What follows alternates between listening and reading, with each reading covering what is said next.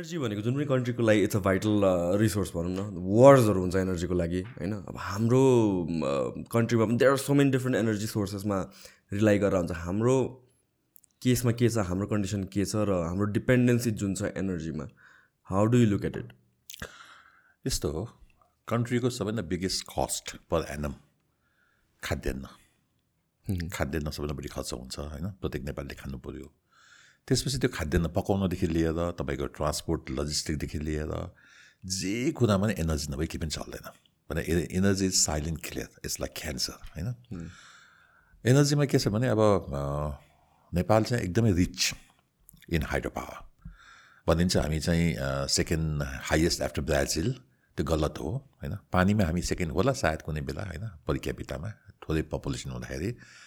तर अहिले मलाई लाग्छ नेपालको पोजिसन चाहिँ कति fifth in potential eighty three thousand megawatt यदि हामी मान्ने हो भने।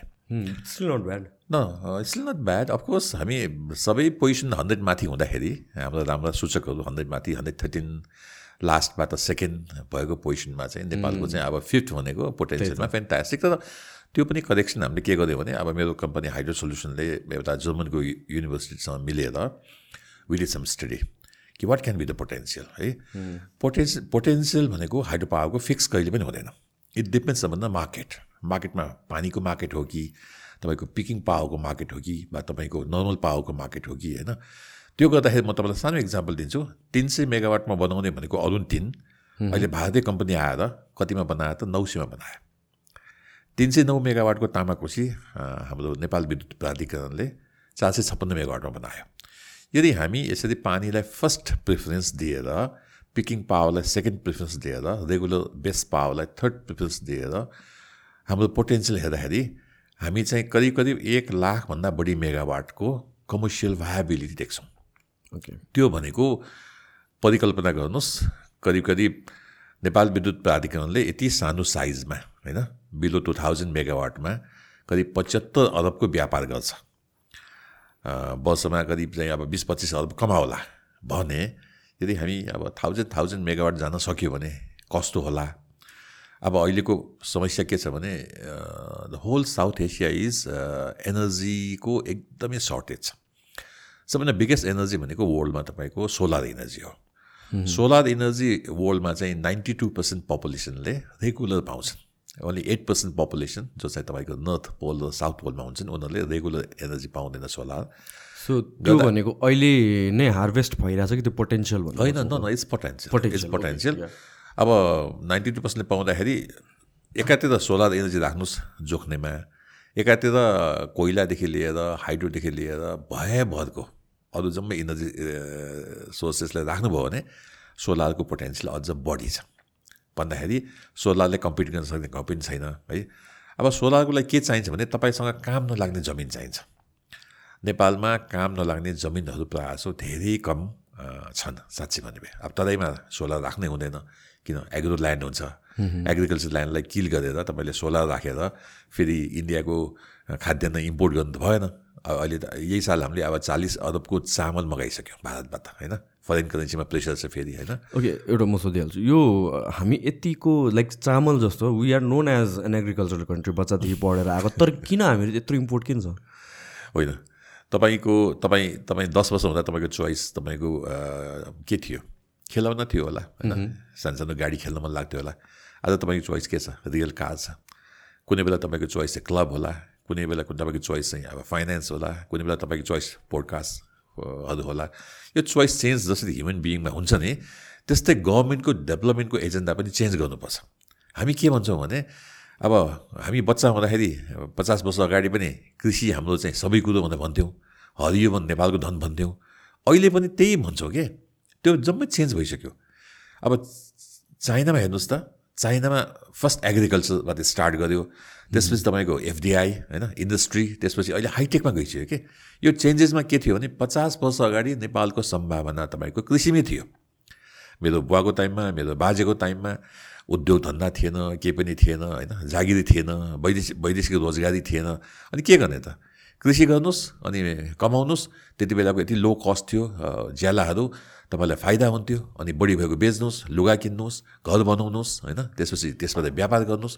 त्यसरी चाहिँ कृषिको पचास वर्ष अगाडि सम्भावना थियो र हामी भारतमा धेरै कुरो एक्सपोर्ट गर्थ्यौँ। जस्तो बङ्गलादेशमा हामी यो स्लिपरहरू होइन? जङ्गलको स्लिपर टिम्बर एक्सपोर्ट गर्थ्यौँ। भारतमा हामी चाहिँ अब चामलै एक्सपोर्ट गर्थ्यौँ होइन?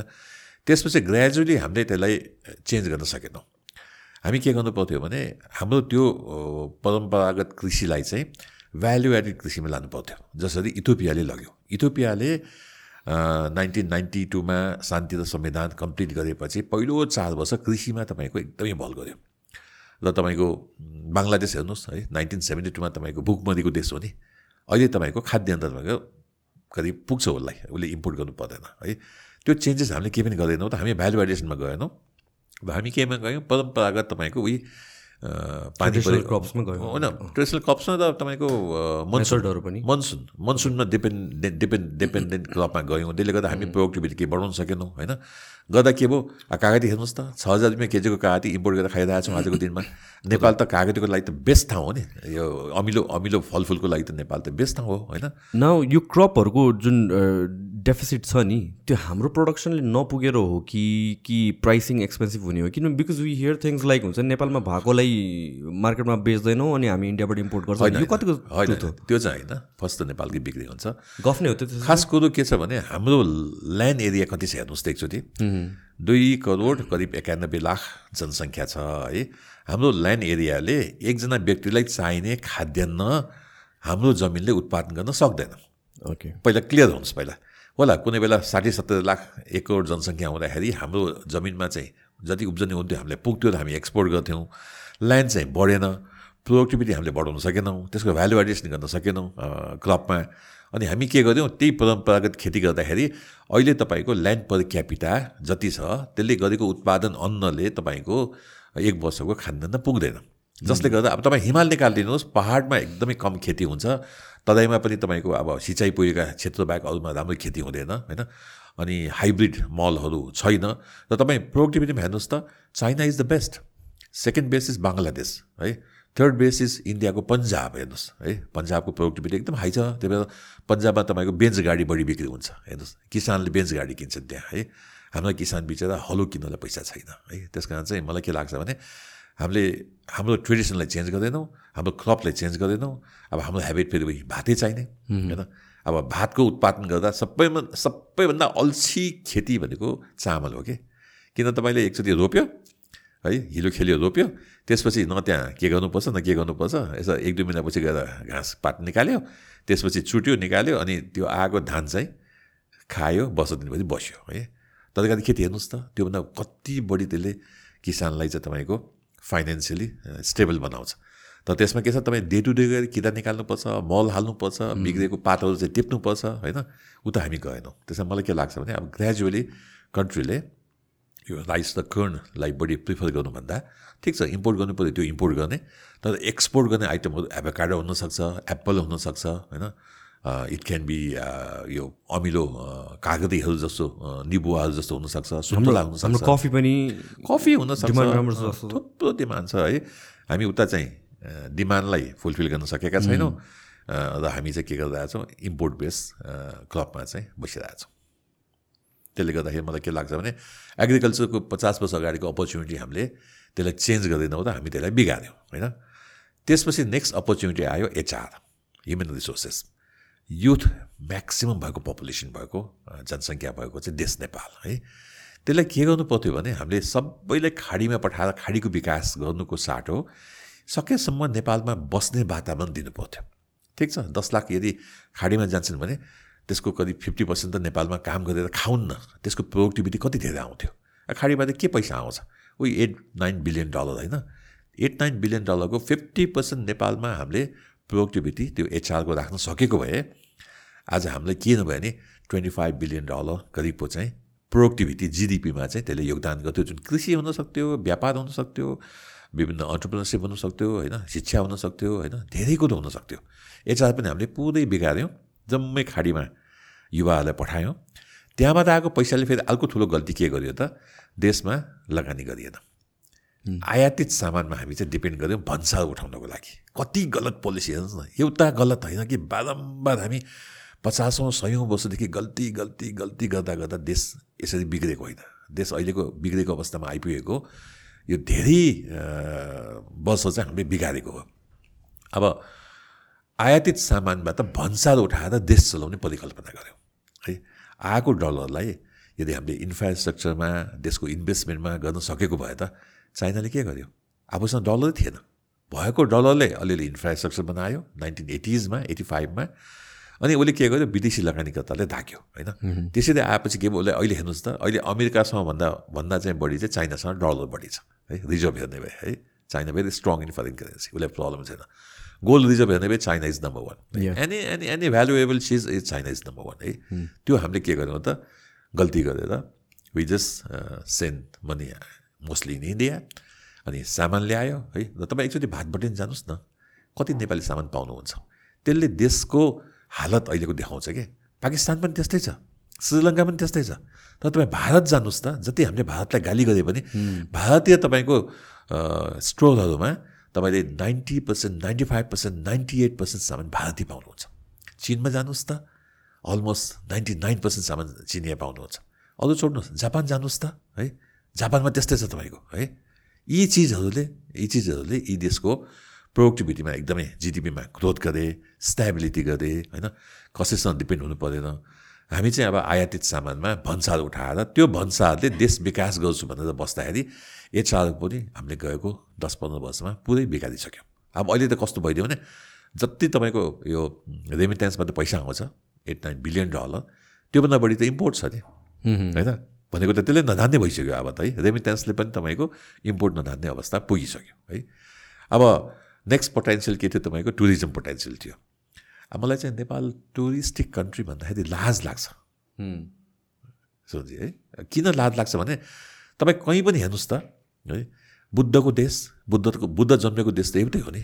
लुम्बिनी नेपाल एउटा मात्रै हो नि। त्यहाँ त एक करोड आउनु पर्थ्यो नि टुरिस्ट। होइन? कति बौद्ध मार्गी छन्। त्यहाँ हेर्नुहोस् त उता हाम्रा मुस्लिमहरूको है कति कति कति जान्छन् है।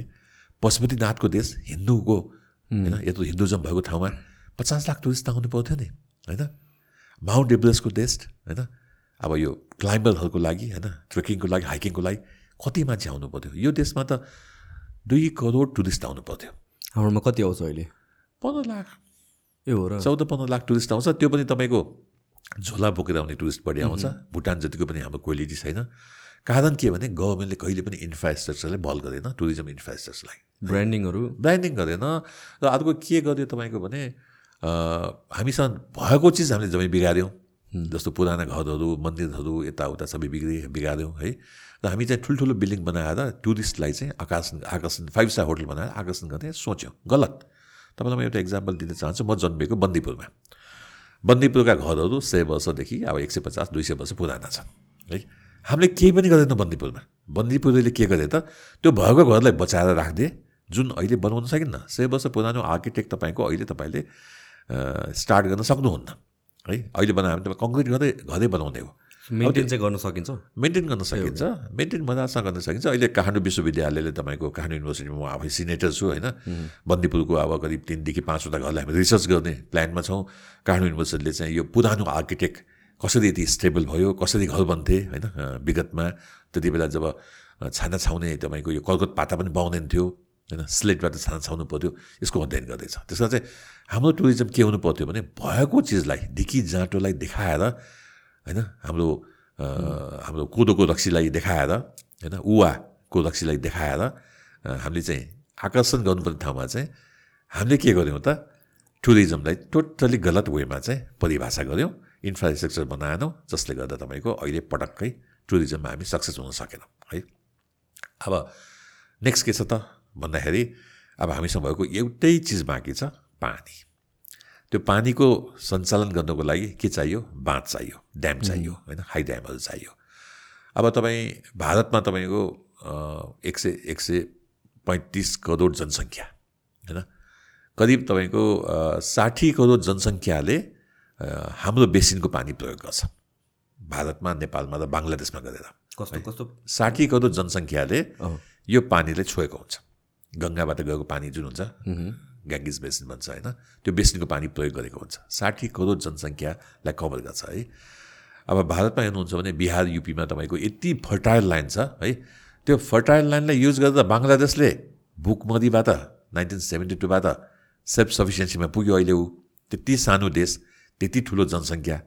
भारतले पानीको व्यवस्थापन नेपालसँग मिलेर गर्न नसक्दाखेरि होइन कस्तो भएर गयो त? युपी र बिहारमा बर्खामा बाढी आउँछ होइन अनि हिउँदमा तपाईँको सुक्खा भएर किसानले आत्महत्या गर्नुपर्छ। प्रोडक्टिभिटी पटक्कै छैन। पन्जाब जतिको प्रोडक्टिभिटी पनि तपाईँको युपी बिहारमा छैन। त्यसको एउटै सोल्युसन के हो त? नेपालमा बाँध बनाएर बर्खाको पानी रोक्ने जसले तपाईँको बाढी नियन्त्रण हुने भयो होइन हिउँदमा त्यो पानी बगाएर गङ्गामा तपाईँको वाटर ट्रान्सपोर्ट जुन अहिले इन्डियाले फिफ्टिन बिलियन डलर खर्च गरेर गर्दैछ त्यो गर्न सकिन्छ। आज दिल्लीमा हेर्नुहोस् त दिल्लीमा पानी त छैन। पञ्चेश्वर एउटा बाँध बनाएर हामीले त्यो पानी चाहिँ आफूले पुरा प्रयोग गरेर बढी भएको भारतलाई दियो भने त्यो पानीले कहाँसम्म पुग्छ भने त्यो पानीले डेलीमा वाल छ्याल खान पुग्छ। बढी भएको पानी तपाईँको राजस्थानमा गएर मरुभूमिलाई खेती गर्न सकिन्छ। त्यहाँबाट अझ बिस पर्सेन्ट पानी बचेर त्यो पानी तपाईँको गुजरातमा नर्मदामा लगेर गुजरातको इन्डस्ट्रियललाई चाहिने पानी चाहिँ मा प्रयोग गर्न सकिन्छ। यति ठुलो पानी हामीसँग छ होइन?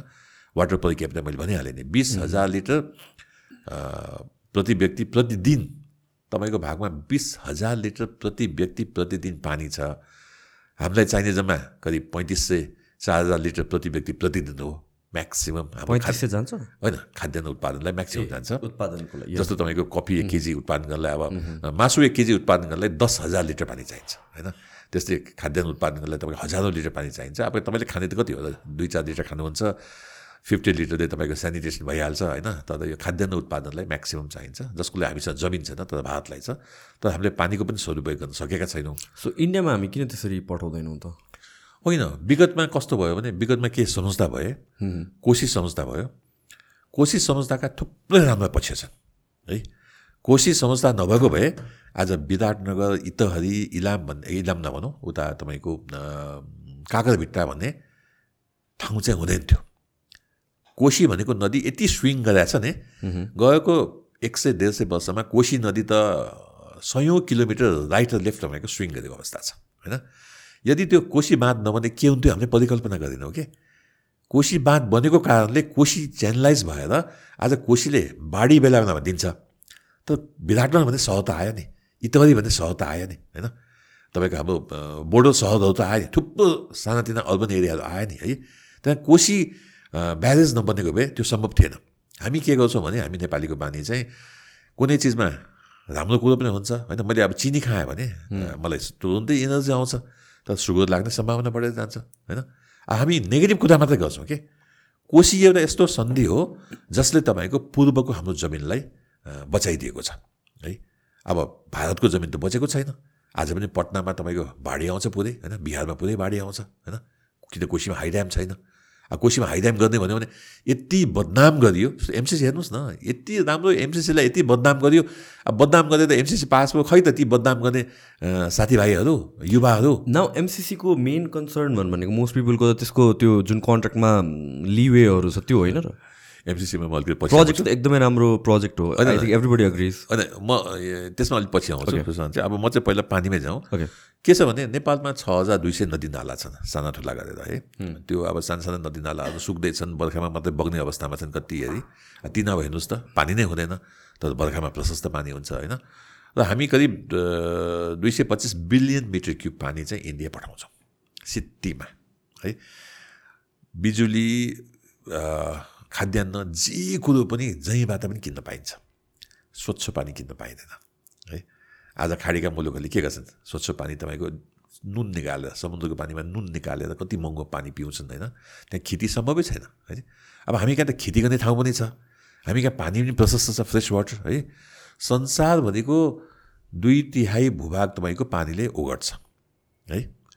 त्यसमा तपाईँको only three percent water is clean water three पर्सेन्टको पनि seventy percent almost two point one percent water is in northern pole and southern pole है भनेको पानी कति बाँकी भयो फ्रेस वाटर संसारभर कति बाँकी भयो तपाईँको पोइन्ट नाइन पर्सेन्ट बाँकी भयो पोइन्ट नाइन पर्सेन्टको पनि तपाईँको करिब सिक्सटी सेभेन्टी पर्सेन्ट इन्भाइरोमेन्टमा छ।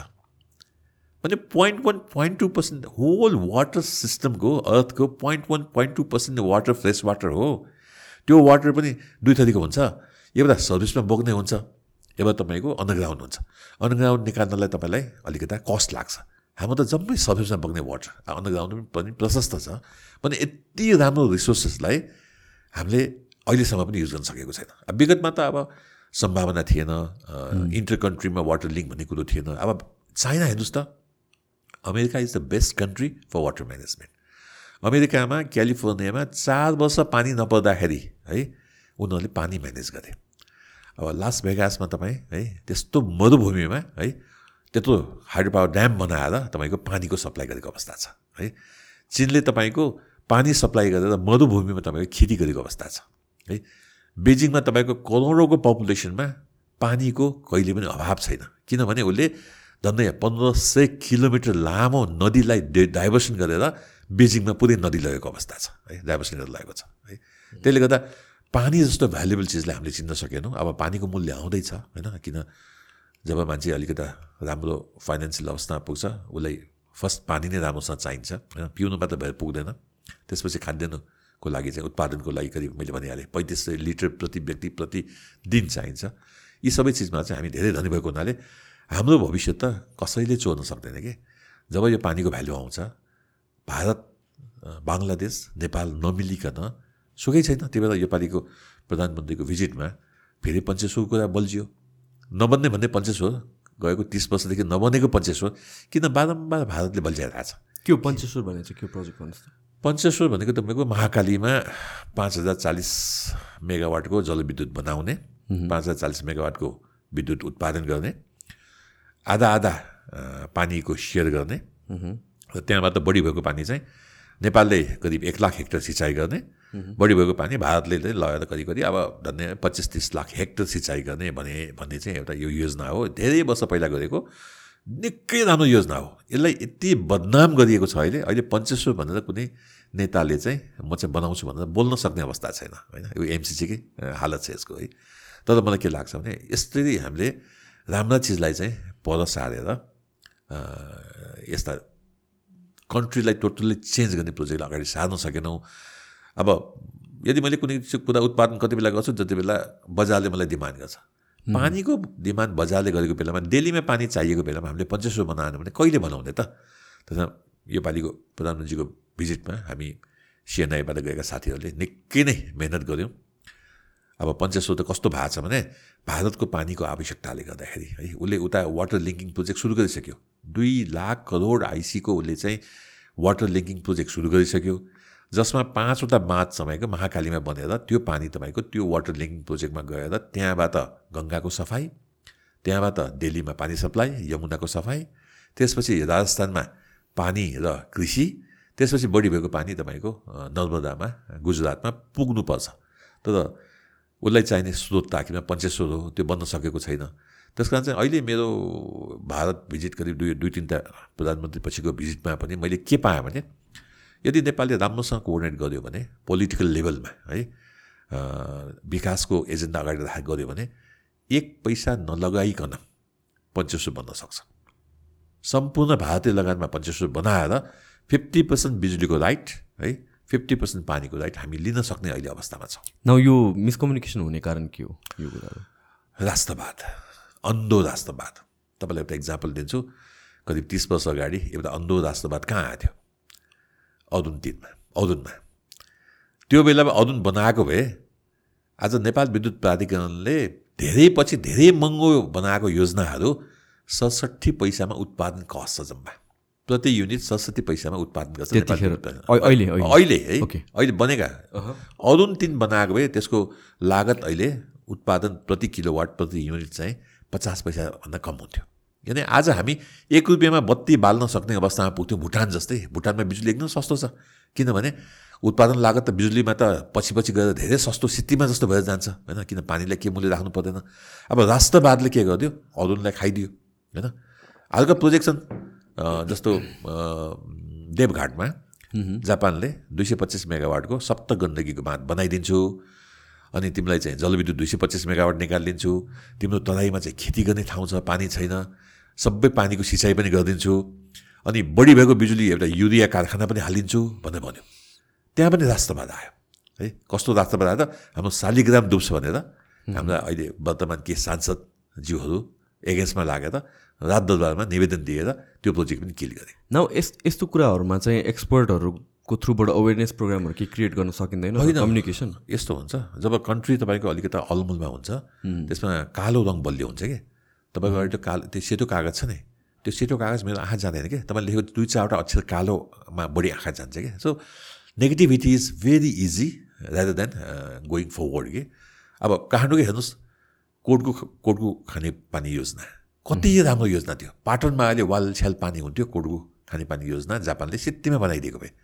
त्यहाँ पनि राष्ट्रवाद आयो होइन हामीले बनाउन दिएनौँ फास्ट ट्र्याक हेर्नुहोस् है फास्ट ट्र्याक त टेन्डर भइसक्यो हो नि त्यसमा भाइबिलिटी ग्याप भनेर हामीले चाहिँ के पैसा चाहिँ कन्ट्र्याक्टरलाई दिनु पर्थ्यो होइन त्यति पैसा भारतले के अरे भारतीय कन्ट्र्याक्टरलाई दिनै भनेर हामीले चाहिँ भन्यौँ अब प्रोजेक्टको कस्ट तपाईँको दुई सय पर्सेन्टले बढिसक्यो नेपाली सेनाले गरेको छ बिचराहरूले धेरै मिहिनेत गरेका छन् तर प्रोजेक्ट कस्ट दुई सय पर्सेन्ट बढिसक्यो अब त्यो दुई चार वर्ष अगाडि चलेको भए त्यसको प्रपोज अमाउन्ट कति थियो त्यतिखेर?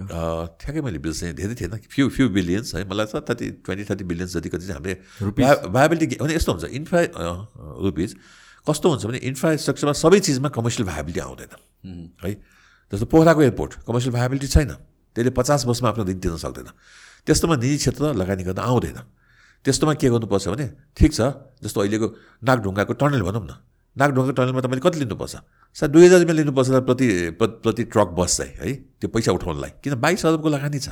त्यसमा सरकारले के गर्नुपर्छ भने निजी क्षेत्रले कति लगाउने र उसलाई चाहिँ कमसेकम बाह्र चौध percent return return on investment आउँछ। नब्बेको पैसा चाहिँ सरकारले कति हालिदिने वान टाइम त्यसपछि त्यो प्रोजेक्ट चाहिँ विकासको गति लिन्छ भनेर राज्यले गर्नुपर्ने ठाउँमा त्यो गर्न नसक्दाखेरि यी प्रब्लमहरू आएका छन्। त्यसमा मलाई के लाग्छ भने अब भारतको अहिलेको इनर्जी क्राइसिस देखिसक्नुभयो है? धन्य धन्य चालिस रुपियाँ नेपालीसम्म बिजुलीको मूल्य पुग्यो। पानीको क्राइसिसले गर्दाखेरि पानीको दिन चाहिँ आएको मैले महसुस गरेको छु। इन्डियामा? इन्डियामा। अब इन्डिया भनेको बङ्गलादेश भनेको अब बङ्गलादेशमा तपाईँको हामी मन्त्रीज्यूलाई भेटेका थियौँ। उहाँले के भन्नुभयो भने नेपालबाट आउने पानी हिउँदमा एकदम कम आउँछ हाम्रो हिउँदमा त नदीमा त डेढ दुई पर्सेन्ट पानी हुन्छ जम्मा। जबकि बर्खामा तपाईँको प्रति प्रति महिना चाहिँ करिब दस एघार पर्सेन्ट पानी हुन्छ। त्यहाँ बर्खाको पानी नरोकिकन हिउँदमा त्यसलाई बढी नबगाइकन हाम्रो पानीको मूल्य आउँदैन। पञ्चेश्वर कर्णाली चिसापानी हाम्रो पश्चिम सेती यी चार पाँचवटा प्रोजेक्ट हामीले गर्न सक्यो भने अहिलेको कन्ट्रीको जुन बजेट छ त्यो बजेटलाई हामी तिन गुणा बनाउन सक्छौँ। म तपाईँलाई सानो इक्जाम्पल दिन्छु। अरुण तिन एउटा आजको बाह्र रुपियाँ आइसीको मूल्यमा हामीले हामी मतलब अरुण तिनले लगानीकर्ताले एक्सपोर्ट गर्दाखेरि थ्योरिटिकली पैँसठी अरबको भारतीय मुद्रा नेपालमा भित्रिन्छ। अनि त्यसमा भ्यालु एडिसन कति? झन्डै साठी अरबको भ्यालु एडिसन है? ल बाह्र रुपियाँ आइसीमा मूल्य नरहला ल दस रुपियाँ होला आठ रुपियाँ होला कम्तीमा पनि दुई हजार तेइसमा अरुण तिन नौ सय मेगावाट एउटा एक्सपोर्ट गर्दाखेरि अहिले हामीले सयौँ चिज एक्सपोर्ट गरेर देशभित्र जम्मा तिस पैँतिस अरबको पनि भ्यालु एडिसन राख्न सक्दैनौँ। त्यो एउटा प्रोजेक्टले त्योभन्दा बढी तपाईँको भ्यालु एडिसन राख्नेछ किनकि पानी किन्नु पर्दैन। जबकि एफडिआईमा आएका रियल जुस भनौँ डाबर भनौँ सबैलाई चाहिँ हामीले चाहिँ के के दिनुपर्छ? कच्चा माललाई प्रशस्त डलर दिनुपर्छ। One point six billion dollar Arun तिनमा आउँछ। दुई दुई सय अरब भारू लगानी गर्ने उसको प्लान छ। तल्लो र माथिल्लो गरेर दुई दुईवटा प्रोजेक्टमा गरेर। त्यसले हामीलाई फरेन करेन्सीको चापलाई चाहिँ ठुलो सहयोग गर्छ होइन? हाम्रो चाहिँ करेन्सी स्ट्रङ भएर जान्छ। डलरको डिभ्यालुसन डलरको एगेन्स्टमा डिभ्यालुसन हुँदैन।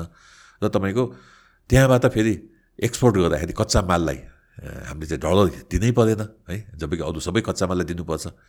र त्यो एक्सपोर्टबाट तपाईँको यति धेरै भारतीय करेन्सी आउँछ कि त्यो भारतीय करेन्सी चाहिँ हामीले भारतबाट किन्नुपर्ने सामान जुन हाम्रो करिब दस खर्ब जस्तो छ त्यसलाई तपाईँको परिपूर्ति गरेर राज्यको विकासमा सहयोग गर्छ। सो यो प्रोजेक्टहरू अहिले पनि स्ट्यान्ड बाईमा छ कि? होइन त्यो प्रोजेक्ट त अब कन्स्ट्रक्सनमा छ। टु थाउजन्ड ट्वेन्टी थ्रीमा कम्प्लिट हुन्छ। ओके है ट्वेन्टी फोरको सेड्युल हो तर बिफोर सेड्युल कम्प्लिट हुन्छ। त्यो एउटा आई ओपनिङ प्रोजेक्ट चाहिँ हुनेछ भन्ने मैले चाहिँ महसुस गरेको छु। सो हाम्रो नेपालको एक्चुअल एनर्जी कन्जम्सन कति छ? यस्तो हो। अब त्यसको डेटा पटक्कै छैन। अब सेकेन्ड बिगेस्ट कस्ट है सेकेन्ड बिगेस्ट कस्टमा कति कस्ट लाग्छ अहिलेसम्म दे देशले भन्न सक्ने अवस्था छैन त। हामीले एउटा स्टडी गरेका थियौँ सुशान्तजी। हामीले के पायौँ भने नेपालमा अहिले मुख्य दाउरा कुइठा होइन? अनि पेट्रोलियम पदार्थ ग्यास होइन? फर्नेस ओइल त्यसपछि हाम्रो बिजुली। मोस्टली अहिले सोर्सहरू यो हो होइन? यो सोर्समा अब हाम्रो हाम्रो आफ्नो आन्तरिक सोर्स के हो त? सस्टेनेबल दाउरा त होइन होइन? दाउरा त घरिघरि अब घट्दै गएको छ जङ्गल घट्छ काट्यो भने त। हाम्रो सोर्स के हो? विद्युत नै हाम्रो रिन्युएबल सोर्स भएको हुनाले विद्युतीय टर्म्समा मैले निकाल्दाखेरि एक लाख बिस हजार गिगा वाट आवरको एनर्जी सबै सेक्टरबाट एड गर्दा हामीले चाहिँ प्रत्येक साल आजको दिनमा प्रति वर्ष खर्च गर्छौँ। त्यसमा हाम्रो सस्टेनेबल एनर्जीले कति सप्लाई गर्यो गत साल? आठ हजार। है। अब सम्पूर्णलाई तपाईँको विद्युतमा लान सकिन्न। जस्तो ट्रकलाई अहिले बिजुलीले चलाउन सकिन्न। ट्रक भनेको पेट्रोलले चल्नुपर्छ होइन? तर ट्रकलाई त रेलवे बिजुली रेलवेले त रिप्लेस गर्न सकिन्छ नि आखिरमा त होइन? त कति ट्रक त फेरि ट्रकै जानुपर्छ होला होइन? सबै ठाउँमा विद्युत रेल लान सकिन्न होला है? त्यस कारण चाहिँ हाम्रो बजार अहिले हेर्दा के देखिन्छ भने करिब अब पच्चिस सय मेगावाट इन्स्टल क्यापेसिटी छ। करिब पन्ध्र सोह्र सय मेगावाट हाम्रो पिक पावर हो होइन? अहिले? अब म्याक्सिमम् डिमान्ड त्यति हो। त्यसलाई तपाईँको पाँच गुणा पुर्याउनलाई केही पनि गाह्रो छैन। अब आज उद्योगको अब कुकिङमा हेर्नुहोस् न कुकिङमा सबैभन्दा सस्तो कुकिङ मेथड भनेको तपाईँको विद्युतीय विद्युत हो। अहिलेको ग्यासबाट तपाईँले पाँचजनाको परिवारलाई कुक गर्दाखेरि सपोज एक हजार खर्च हुन्छ भने विद्युतीय इन्डक्सन चुलोबाट त्यही पाँचजनालाई त्यति नै खाना कुक गर्दाखेरि तपाईँको चार सय रुपियाँ ल्याउँछ न यो यो ट्रान्जेक्सन किन नभएको त? मान्छेहरूको अवेरनेस नपुग्यो किनभने यो देश चाहिँ मुदकट्टाको देश हो। हेर्नुहोस् म एउटा म्यानेजमेन्ट कोर्स लिनको लागि चाहिँ एक त एउटा कन्ट्रीमा गएको थिएँ। अनि एउटा साह्रै बुढो जापानिज थियो। अनि मैले सोधेँ हाउ टु लर्न म्यानेजमेन्ट उसले भने तैँले धेरै किताब पढिस् होला अनि पढेँ क्लास लिइस् होला लिएँ अनि के सिकिस् त? त्यही सिक्न त आएको छु। तैँले केही नै सिकिनस् आफ्नो जिउमा हेर। ह्युमन म्यानेजमेन्ट जस्तो ह्युमन बडीको जस्तो राम्रो म्यानेजमेन्ट कहीँ पनि छैन। एउटा गिरी हुन्छ जसले सोच्छ। होइन एनर्जी हुन्छ एकदम त्यसमा होइन नयाँ नयाँ कुरा सोच्छ मेमोरीमा राख्छ। त्यसले सोचेको चिजहरू उसले के गर्छ? ट्रिगर गर्छ सेन्स दिन्छ होइन? नसाहरूलाई होइन नसाबाट रगतहरू बग्छ। त्यो बगेको रगतले मसललाई सपोर्ट गर्छ होइन मसलले के गर्छ? अब एउटा औँलाले म पाँच किलो उठाउन सक्दिनँ नि तर मेरो मसलले के गर्छ? म त्यो पाँच किलो चाहिँ उठाउनलाई एउटा तागत राख्छ। अनि काम कसले गर्छ? औँलाले गर्छ। त्यस कारण चाहिँ तिमीले म्यानेजमेन्ट सिक्ने बाहिरबाट होइन त्यो जापानिज प्रोफेसरले टोकियोको प्रोफेसर हुनुहुन्थ्यो उहाँले भन्नुभएको तिमीले सिक्ने आफ्नो जिउमा हेर र जुन देशमा गिदी हुँदैन है त्यसलाई के भनिन्छ भने मुलकट्टाको देश भनिन्छ नेपाली शब्दमा। अब हामी कहाँ के छ भने पिएचडी पढेका डक्टर छन् यो छन् त्यो छन्। म कहिलेकाहीँ प्लानिङ कमिसनको मिटिङहरूमा जान्छु। धेरै पढेका होइन गुणी गानीहरूसँग चाहिँ सङ्कट गर्छु। त उहाँहरूको कुरा सुन्दाखेरि मलाई कहिलेकाहीँ कस्तो लाग्छ भने कि त म के पनि जान्दिनँ। सडक छाप हौँ। कि त म नपढेको धेरै जान्ने मान्छे हो? उहाँहरूको पढेको किताबी भन्दा। म तपाईँलाई सानो इक्जाम्पल दिन चाहन्छु। अहिलेको नेपालको फर्स्ट इन्फ्रास्ट्रक्चर प्रोजेक्ट के हो त? ए हामी यता बाटो बनाएका छौँ उता यो गरेका छौँ ऊ गरेका छौँ त्यो गरेका छौँ होइन? अब नौ विषय मुगलिङ चाहिँ बाटो वाइड गर्ने भनेका छौँ है ठुलो पैसा ठुलो ऋण लिएर होइन? अहिलेको नेपालको फर्स्ट इन्फ्रास्ट्रक्चर प्रोजेक्ट भनेको वीरगञ्ज काठमाडौँ रेल हो। आजको दिनमा तपाईँको छ हजारवटा ट्रक बस ठुलाहरू यहाँ आउँछन्। यो छ हजार ट्रक बस यति लामो बिहान छ बजे हिँडेको ट्रक बस सुशान्तजी राति नौ बजे आइपुग्छ है? बाटोमा त्यति पोल्युसन फाल्छ। तपाईँ जानुहोस् त सबै बाटो जाम छ। आउने बाटो पनि जाम छ जाने बाटो पनि जाम छ है? चालिस लाख जनसङ्ख्यालाई सबै कुरो ल्याउनु पऱ्यो है? कति पैसा भारत जान्छ भन्दाखेरि हामीले हिसाब निकालेका थियौँ। करिब सय अरब नेपाली पैसा भारत जाने रहेछ डिजेलमा ट्रकको भाडामा मोबिलमा स्पेयर पार्ट्समा टायरमा इभन अलकत्रा पनि भारतबाट आउँछ है? इभन कामदार पनि भारतबाट आउँछ त्यो सडक बनाउँदाखेरि। अब हामी चाहिँ ट्रेड डिफिसिट बिग्रियो बिग्रियो बिग्रियो भन्छौँ। यदि वीरगञ्ज काठमाडौँ रेल म त घमण्ड साथ भन्छु है? दुई हजार पन्ध्रमा सुरेश प्रभुजी मेरो चिन्जानको मन्त्रीज्यू भारतमा आउनु भएको थियो। उहाँले एकचालिस करोड रुपियाँ राखिदिनु भएको थियो यो अध्ययन गर्नको लागि। मैले त्यो चिठी लिएर आउँदाखेरि म यहाँ यति पट्ट मूर्ख साबित भएँ। हेत्ते यहाँजी भारतीय रेल पनि काठमाडौँ ल्याउने हो। राष्ट्रियता खै तपाईँको? भनेर मलाई भने। अनि मैले भने ट्रक पनि भारतीय हो नि त। अनि कहाँ रह त राज्य त? होइन? भारतीय अब आफ्नो ट्रक आइरहेको भए त ल ठिकै छ भारतीय रेल नल्याउँ फेरि भारतीय रेल आउने होइन। आफ्नो बिजुलीले चल्ने हाम्रो नेपालको झन्डा भएको रेल आउने हो नि। पछाडि डिब्बा मात्रै भारतीय हो। होइन? पुच्छर मात्रै भारतीय हो। अब यत्रो सामान आउँछ हाम्रो ड्राई पोर्ट हेर्नुहोस् त कस्तो हालत छ है? बिरगन्जको ड्राई पोर्ट खतम खतम छ। सो त्यो ड्राई पोर्टको प्रोजेक्ट त यही सोचेर बनाएको थियो होला नि होइन ड्राई पोर्टको सो प्रोजेक्ट त सामान लोड अनलोड गर्ने त्यहाँ मात्रै फेरि ट्रकमा ल्याउने ट्रकमा ल्याउने भनेर राखेको है? अनि चोभारमा पनि अब ड्राई पोर्ट एउटा खोलियो है? तर अझ पनि त्यो नेपालको नम्बर वान अब होइन तपाईँको तपाईँको घरमा सयवटा समस्या छ कि? पहिलो समस्या के हो त यदि तपाईँकोसँग सलाई छैन भने भात पाक्दैन नि तपाईँको होइन? सलाई पहिलो समस्या हो कि? सबै कुरो भए पनि सलाई छैन भने त पहिलो समस्या त सलाई हो नि। त्यसपछि ग्यास भयो चुलो भयो खानेकुरा भयो होइन? पानी होला त्यो विभिन्न चिज हुन्छ कि? कन्ट्रीले प्रायोरिटी कहिले पनि सेट गरेन यो कन्ट्रीको पहिलो आवश्यकता भनेको इन्फ्रास्ट्रक्चरमा बिरगन्ज काठमाडौँ रेल हो। मैले भने प्रोजेक्टहरूमा छिर्यो। होइन यहाँ त कस्तो हो नि? एउटा मन्त्रीजी हुनुहुन्छ जस्तो अब गोकुल बासुराजी। अब उहाँको एरिया थियो हाम्रो बनेपामा ल बनेपामा एयरपोर्ट बनाउने अरे अब पहाडको पहाडको टुप्पामा एयरपोर्ट कसरी बन्छ अनि त्यहाँ पार्किङ चाहिएन र रिक्वायरमेन्ट पनि छ कि छैन भन्ने कुरा हो होइन ठिक छ बाबा बनाऊ केही छैन हामीसँग पैसा छ है अब छ अरबमा त्यो एयरपोर्ट बनाउँदाखेरि फिजिबल छैन अहिले जाइकाले अठार अरब लाग्छ भनेको छ क्याबिनेटले पास गरेर अगाडि बढाउँछ है अचम्म छ कि अचम्म छ कि त्यसमा मलाई के लाग्छ भने इन्फ्रास्ट्रक्चरमा नम्बर वान देशले कायाकल्प गर्ने प्रोजेक्ट भनेको बिरगन्ज काठमाडौँ रेल हो। र अहिले हिजो हामीले अर्थमन्त्रीजीलाई के भन्यो भने सर अब यो रेलवेलाई के चाहिन्छ भने जमिन चाहिन्छ फेरि। हाम्रो चोभारमा ल्याउने भनेको छ होइन? एक सय छत्तिस किलोमिटरमा आउँछ। यानि हाम्रो एक सय बि वान बिलियन डलर जान्छ अहिले। एक सय बिस अरब भारत गएको पैसा बिस अरबको हाम्रो बिजुली हाम्रो रेलले कमाएर भारत जाने सय अरब हामी बचाउन सक्छौँ भने हामी के को निकासी अलैँचीको निकासी यो निकासी ऊ निकासी कुरा गर्छौँ? त्यो पनि गरौँ पहिलो त भारत जाने भारतबाट गइरहेको पैसाले रोक्नलाई त यो ल्याउन सक्यो भने चोभारमा अहिले दुई तिन हजार रोपनी जमिन लिइहालौँ न। चोभारमा अहिले घर बनेको छैन। चोभारको ड्राई पोर्टको पारिपट्टि तपाईँले हेर्नुहुन्छ भने आज पनि तपाईँको खाली जग्गा छ। त्यसलाई कम् प्रपर कम्पेन्सेसन दिएर दुई हजार तिन हजार रोपनी हामी लिइहालौँ रेलवे त्यहाँ ल्याउँ। त्यसपछि हाम्रो लजिस्टिक कस्टमा चाहिँ यति कम हुन्छ होइन? यदि यस्तो कस्टहरू हामीले कम गर्न सकेनौँ भने म तपाईँलाई सानो इक्जाम्पल दिन्छु। चिनमा एक रुपियाँमा ट्रान्सफर हुने लजिस्टिक कस्ट ट्रान्सपोर्ट कस्ट भारतमा आउँदाखेरि तिन रुपियाँ हुन्छ। हामी कहाँ आउँदाखेरि सात रुपियाँ हुन्छ। अनि चिनले एक रुपियाँमा गर्ने सामान ट्रान्सपोर्ट चाहिँ हामीले सात रुपियाँमा गरेपछि कसरी हामी चाहिँ कम्पिटेटिभ हुन सक्छौँ? कसरी हामी आफ्नो आफ्नो प्रगति गर्न सक्छौँ? कसरी हाम्रो इम्पोर्ट बिलहरू फ्युलको इम्पोर्ट बिलहरू कम हुन्छ? हेर्नुहोस् त। यदि यो रेलवे बन्यो भने एक हजार मेगावाट रेलवेमा त जाँदैन त्यति। रेलवेमा फ्यु हन्ड्रेड मेगावाट। त्यसपछि तपाईँको त्यहाँ विस्तार हुने सहरमा है रेलवे स्टेसन हुने विस्तार हुने सहरमा जम्मै गरेर एक हजार मेगावाटको बिजुलीको परिकल्पना आउने दस वर्षमा नेपालमा खपत हुने गर्न सकिन्छ। त्यो भनेको त सानो कुरा होइन नि। फेरि आफ्नै बिजुली। भारत पठाउनुको साथो त आफैले खबर गरेर अब अब यहाँ त कस्तो छ? रेल ल्याउने भन्दा जनकपुरमा रेल रेल ल्याइयो।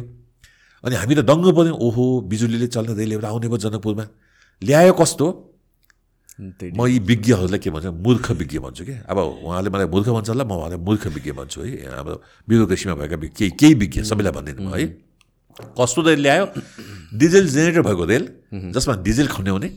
डिजेल जेनेरेटरले चाहिँ डिजेलबाट इन इन्धन के अरे बिजुली निकाल्ने। त्यो बिजुलीले फेरि मोटरमा बिजुली सप्लाई गरेर अरे बाबा बिजुली सिधै सप्लाई गर्दै हुँदैन थियो त्यो जेनेरेटर त बोक्नु पर्दैन थियो नि। हेर्नुहोस् जनकपुरको जस्तो गलत रेल हामीले किनभने त्यहाँ कमिसन खानु थियो सिधै कुरा हेर्नुहोस्। सिधा बिजुलीको रेल ल्यायो भने त सस्तो पर्छ। धेरै कमिसन तपाईँको खान पाइँदैन है? यदि त्यसलाई एकदमै कम्प्लिकेटेड रेल ल्याइदियो भने त के हुने भयो त? बढी कस्ट लाग्ने भयो। त्यसको कमिसन खान पाउने भयो। कति देश रहेछन् केही केही व्यक्तिहरू है? अर्को म तपाईँलाई इक्जाम्पल दिन चाहन्छु है? अहिले जुन रिङ रोड एक्सपान्सन भएको छ अब धेरै त ग्रान्ड प्रोजेक्ट आउनु थाल्यो। ग्रान्ड प्रोजेक्टमा हाम्रो ब्युरोक्रेसीले पैसा खान नपाउने भयो। किन? उनीहरू आफै आउँछ आफै बनाउँछ आफै पैसा दिएर जान्छ सबै नाफा पनि आफै लिएर जान्छ होइन? आफ्नै कम्पनीले काम गर्छ नेपालीले एक पैसा पनि खुवाउँदैन। अब कस्तो बुद्धि निकाल्यो भने हाम्रो ब्युरोक्रेसीले सबैलाई भनेका छैन। धेरै इमान्दार ब्युरोक्रेसी दस पर्सेन्ट छन् है? है? तर नाइन्टी पर्सेन्ट सबै बेमान पनि होइन। दस बिस पर्सेन्ट यति बेमान ब्युरोक्रेसी छ उसले के गर्यो भने कोटेश्वरदेखि कलङ्कीसम्म रिङ रोडको एक्सपान्सन जापानको के अरे चाइनाको ग्रान्टले गरिदिन्छु भन्दाखेरि उसले त पैसा खानु पऱ्यो यसो गर न। यो छेउछेउको सडक पनि तिमी पिच नगर हामी आफै गर्छौँ। उसलाई किन बोल्नु परेको थियो? फ्लाइओभर जम्मै हामी नै गर्छौँ। उसलाई किन बोल्नु परेको थियो? होइन? स्ट्रिट लाइट पनि तिमीले राख्नु पर्दैन। अनि बाबा त्यत्रो बाटो चाइनाले बनाउँदाखेरि स्ट्रिट लाइट चाइनाले राख्नु पर्दैन। ट्राफिक लाइट छैन। अहिलेसम्म छैन। होइन? अब सबै आफै राख्छु भनेर बजेटमा हामी आफ्नो बजेटमा गर्दैछौँ। किन त्यो बजेटमा पैसा खान पाइन्छ।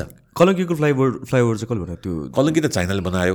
तर कलङ्की बनाएपछि बल्खुमा बनाउनु के अरे बल्खुमा बनाउनु पर्दैन थियो। त्यही त। सात दबनमा बनाउनु पर्दैन थियो त्यति बेला। होइन बनाएको आज पाँच वर्षमा अब हेर्नुहोस् त फ्लाइओभर टेन्डर हामी निकाल्यौँ। किन? हामीले टेन्डर निकाल्दाखेरि हाम्रा केही साथी कर्मचारीले पैसा खान पाउँछन्। दस पर्सेन्ट पन्ध्र पर्सेन्ट त ठेकदारसँग यिनीहरूले बजाइहाल्छन्। है यस्तो राष्ट्रघात गर्ने केही कर्मचारी मैले सबैलाई भनेको छैन। है राष्ट्रप्रेमी कर्मचारी पनि म सेलेक्ट गर्छु उहाँलाई नाउँ लिन चाहन्न अहिले। तर दस पन्ध्र पर्सेन्ट कर्मचारी यति घुसिया यति टिक्दमबाजी छन् कि अब अहिले हेर्नुहोस् त पाँच वर्ष पहिला बनाएको बाटो सबै बिगारेर अब तिनवटा फ्लाइओभर हामी आफ्नै पैसाले बनाइरहेको छौँ। आजसम्म ट्राफिक लाइट राख्न सकेका छौँ है स्ट्रिट लाइट नै छैन। स्ट्रिट लाइट छैन। मान्छे क्रस हुने ठाउँमा हेर्नुहोस् त कस्तो ठाउँमा राखेको। छ। जहाँ मान्छे क्रस हुन्छ त्यहाँ राखेको छैन। जहाँ मान्छे नै हुँदैन ठेकेदारको सहयोगको लागि त्यो लोकेसन हुँदैन। अलाउ गरिदिएछ। है? अब त्यस्तै तपाईँको भक्तपुर जाने बाटो हेर्नुहोस् अब सूर्य विनायकसम्म है? त्यहाँ पनि स्ट्रिट लाइट हामी आफैले राखेको ट्राफिक लाइट हामी आफैले राखेको होइन? जब त्यत्रो ठुलो ग्रान्ड त्यत्रो आइरहेछ सबै उसले गरिदिन्छु भनेको छ होइन? किन हामी उसलाई तिमीले चाइनामा बनाउने तिन नम्बर रिङ रोड जस्तो एक सय दसको स्पिडमा जान सक्ने अस्सीको डिजाइन स्पिड भएको रिङ रोड बनाइदेऊ भनेर किन नभनेको है? आज रिङ रोड हेर्नुहोस् त। रिङ रोड हामीले एउटा स्टडी गरेका थियौँ सुशान्तजी। काठमाडौँको ट्राफिक सिस्टम कसरी फास्ट गर्न सकिन्छ हामीले स्टडी गर्दा पहि पहिला त रोड नै एक्सपान्सन हो। अब रोड एक्सपान्सन गर्ने ठाउँ छैन। म चाहिँ चिनको बिआरआई कमिटीको अब्जर्भर मेम्बर हुँ यो पब्लिक ट्रान्सपोर्टको है। र वाटर इनर्जी चाहिँ म अलमोस्ट फाइभ स्टार रेटेड चाहिँ एक्सपर्ट हुँ होइन। अनि म उहाँको कुरा सुन्छु कि? अनि सुन्दा मैले के पाएँ भने पचास मिटर वाइड भएको बाटो यदि चिनमा छ भने बेजिङमा छ भने यस्तोसँग उनीहरूले बिना ट्राफिकलाई कहीँ रोक्नु नपर्ने गरेर मिलाउँछ अन्डर पास गरेर ओभरब्रिज गरेर त्यहाँ तपाईँको one point five million vehicle चौबिस घन्टामा ट्रान्सफर गर्न सकिन्छ। त्यस्तो क्यापेसिटी भएको रिङ रोडमा है हामीले अहिले एक लाख एकहत्तर हजार भेहिकल ट्रान्सफर गर्दाखेरि रिङ रोड पुरै जाम छ। जान्छ अनि अनि तपाईँले अब कत्रो रिङ रोड बनाउनु पऱ्यो त? अब पचास मिटरको होइन है अहिले भएको आठ लेनको होइन सोह्र लेनको बनाउनु पऱ्यो बत्तिस लेनको बनाउनु पऱ्यो अब बत्तिस लेनको रिङ रोड बनाउने ठाउँ छ त नेपालमा काठमाडौँमा। र विगतमा हामीले गल्ती गरिसकेका छौँ। कुनै पनि ठुलो सहरमा तपाईँको सहरको पन्ध्र पर्सेन्ट जमिन चाहिँ तपाईँले सडक र खालि ठाउँको लागि छोड्नुपर्छ। काठमाडौँमा सडक कति छ? Less than four percent. भन्दा हामी कहाँ पटक्कै छैन तर सम्भावना हेर्नुहोस् है कति राम्रो सम्भावना छ। अहिले यो धोबी खोला कोरिडोर भन्यो होइन? साइड साइडमा दुईवटा बाटो बनेको छ। हामीसँग पैसा भयो भने त त्यो धोबी खोलाको माथि त पुरै ब्रिज बनाइदियो भयो नि। साइडको दुईवटा बाटो र त्यो धोबी खोलाको माथिको ब्रिज जोड्यो भने त फेरि अर्को रिङ रोड त धोबी खोलामा आयो अर्को रिङ रोड तपाईँको बागमतीमा आयो। अर्को रिङ रोड मनहरामा आयो। है? भने काठमाडौँको समस्या छैन के भविष्यलाई? होइन जमिनै नभए पनि हामीसँग चाहिँ यो खोलाको माथि यदि हामीले चाहिँ ओभरहेड ब्रिज बनाएर होइन यदि दायाँ बायाँको ऐको करिडोर पनि एड गऱ्यो भने त त्यहाँदेखि किन भने अब तिस चालिस मिटरको पचास मिटरको बाटो फेरि आउँछ के? तर त्यसको लागि के चाहियो त फेरि? फाइनेन्स चाहियो। जुन हामीसँग छैन अहिले। त्यस कारण भविष्य राम्रो छ तर बारम्बार यो देशलाई चाहिँ हामी चाहिँ चोट पुलाउँदै गएका छौँ। रिसोर्सेसको म्यानेजमेन्टको कुरा पनि भयो नि त जस्तो यही कुरा हो नि त हाम्रो पचास मिटरको रोड हुँदा हुँदै त्यसलाई म्या अप्टिमली युज गर्न नसक्यो भने त फुल क्यापेसिटीमा तपाईँलाई एउटा इक्जाम्पल दिन्छु। लक्कीले अब नितिन गडकरीजी मन्त्रीजी हो एकदम पावरफुल मन्त्री भारतमा। मेरो एउटा सिनियर पुग्नु भएछ अनि एकचोटि दिल्ली गएको थिएँ फोन गरेको थिएँ मिलेगा मन्त्री से भन्यो। हाँ मिलाले। बहुत डेन्जर मन्त्री तेरो गाली वाली दिएका मलाई जम्मा सात मिनट टाइम दिएको म तपाईँको बयालिस मिनट मन्त्रीको टाइम दिन सफल भएँ। मैले के भने पञ्चेश्वरको पानी नभई उहाँको जहाज चल्दैन पानी जहाज चल्दैन। पञ्चेश्वर बन्दै बन्दैन। त्यसपछि हाम्रो पूर्व ऊर्जा मन्त्री पुन्जीलाई डाकेर उहाँले पञ्चेश्वर स्क्रैप गर्नुहोस् यो मोडलमा बन्दैन भनेर भन्नुभयो। त्यो मेरो आवाज थियो। योपालि प्रधानमन्त्रीहरू जाँदाखेरि होला नेपाल विद्युत प्राधिकरणले आवाज निकाल्यो होला ऊर्जा मन्त्रालयले आवाज निकाल्यो होला मैले क्रेडिट लिन खोजेको होइन। हामी सिएनआईबाट इनर्जी डेभलपमेन्ट काउन्सिलले यति ठुलो आवाज निकाल्यौँ है। प्रधानमन्त्रीले के भन्यो भने भारतको अहिलेको आवश्यकता भनेको पानी हो त्यसपछि पिक पावर हो है। त्यो भनेको पञ्चेश्वर हो। यो चिज चाहिँ यदि उसले हामीले बनाउन दियौँ भने उसले सित्तीमा बनाइन्छ हामीलाई भनेर योपालि दुईवटा प्रधानमन्त्रीले तपाईँको फेरि ल यसलाई अगाडि बढाउने भनेर अगाडि बढायो। त्यसमा मलाई के लाग्छ भने यो देशको चाहिँ साँच्चै भन्यो भने गिदी छैन के? गिरी छैन। म त धेरै देश घुमाएको छु है। म त्यति एक्सपर्ट मान्छे होइन त्यति त्यति तपाईँको एनालिटिकल मान्छे पनि होइन है। तर यो देशको सानो सानो कुरा हेर्दाखेरि के देखिन्छ भने त्यो देशको दिमागले काम गरेको छ। हामी कहाँ त न प्लानिङ कमिसनले काम गरेको अवस्था छ न मन्त्रीजीहरूको त्यति भिजन क्लियर छ है। जे मलाई त्यही जे मलाई अब एयरपोर्ट हेर्नुहोस् न कति एयरपोर्ट छ? नाइन्टी पर्सेन्ट एयरपोर्टले इन्कमै जेनेरेट गर्दैन है।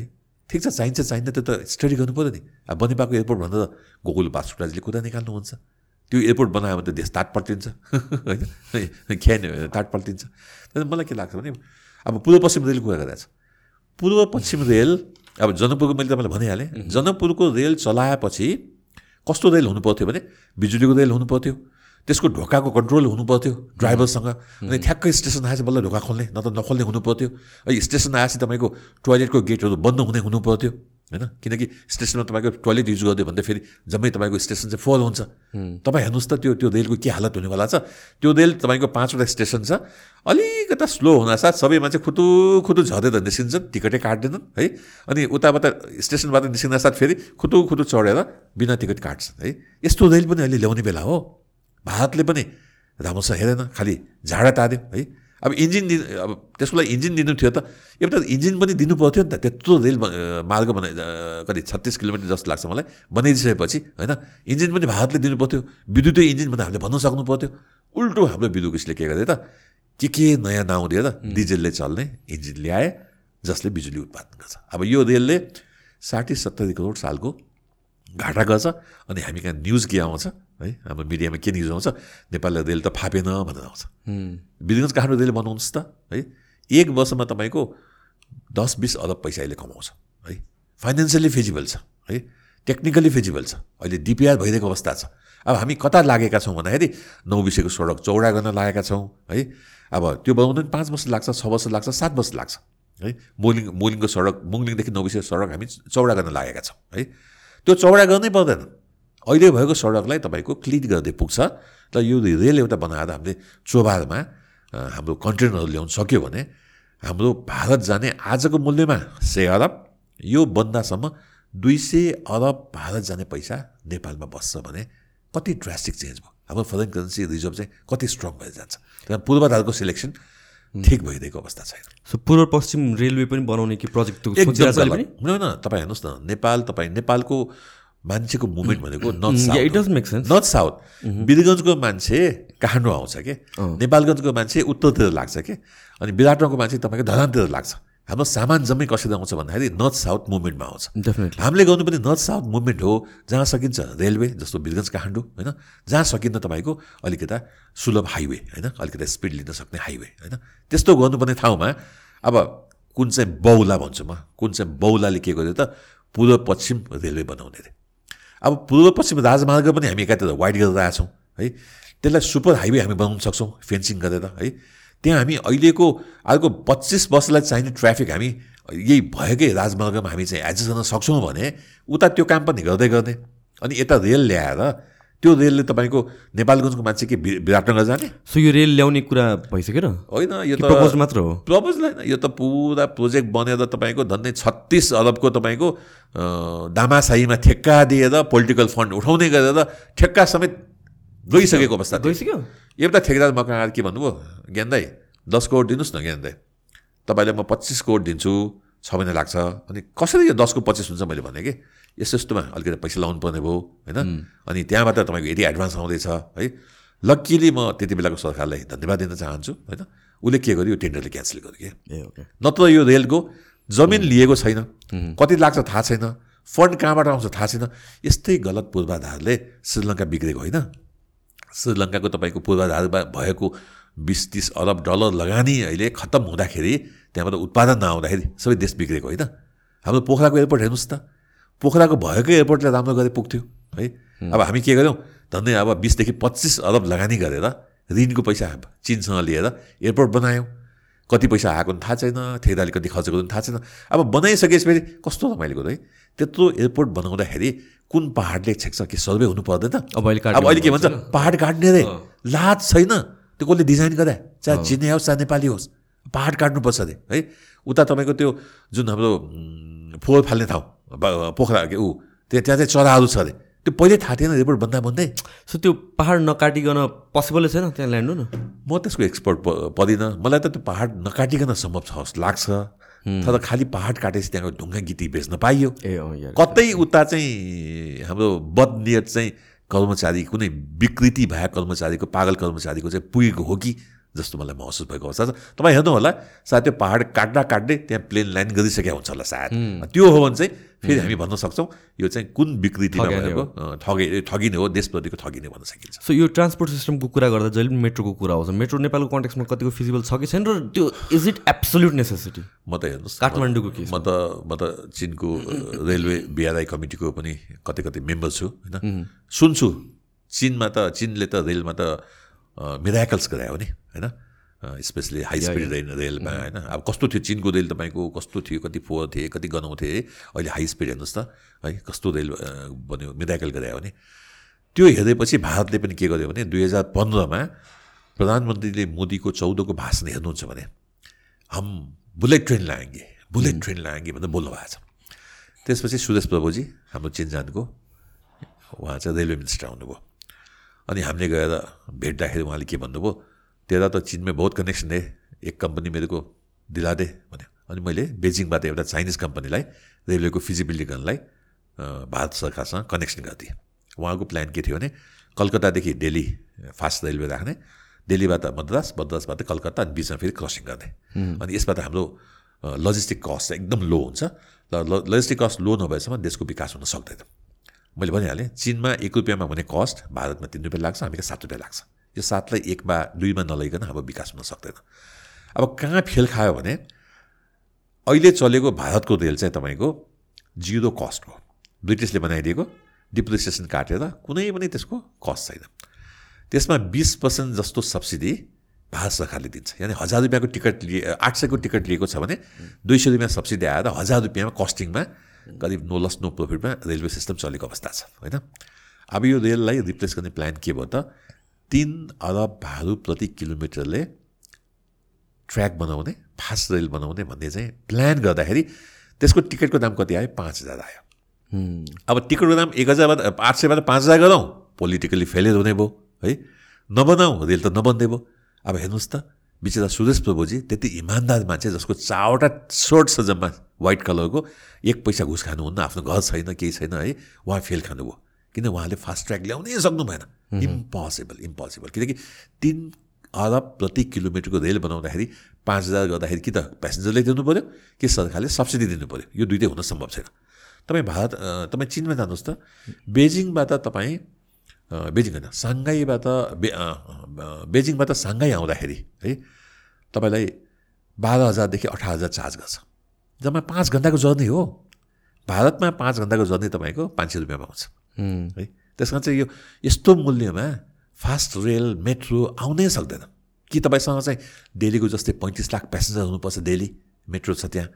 हामी कहाँ चाहिँ अब मेट्रो ल्याउने भन्छ कि? मेट्रो कस्तो त? अन्डरग्राउन्ड हो कि अब माथि हो? हाम्रा सो कल एक्सपोर्ट जापानमा पढेका प्रोफेसर साहब पनि अब नाउँ लिन चाहन्न।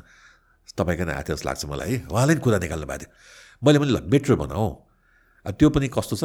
करिब तिन अरब नेपाली प्रति किलोमिटर बन्छ अहिले तपाईँको एक किलोमिटरमा सडकमा केही तिर्नु पर्दैन। साझा बस यदि बिसवटा छ भने पचास लाखको हिसाबले दस करोडको लगानी छ। अहिले दस करोडको लगानी प्रति किलोमिटर भएको बसले पचास रुपियाँ तपाईँलाई यदि चार्ज गरेको छ भने त्यो दस करोड प्रति किलोमिटरको लगानी तपाईँले जब तिन अरब प्रति किलोमिटर पुर्याउनुहुन्छ तपाईँको टिकटको प्राइस कति हुन्छ? होइन? कति हुन्छ? भने अब के? कलङ्कीबाट नारायण गोपाल चोक गएको चाहिँ पाँच सय रुपियाँ लिन सक्छौँ त। के राज्यले सब्सिडी दिन सक्छ त? इम्पोसिबल ए अहिलेको अवस्थामा मेट्रो ल्याउने भनेको इम्पोसिबल हो।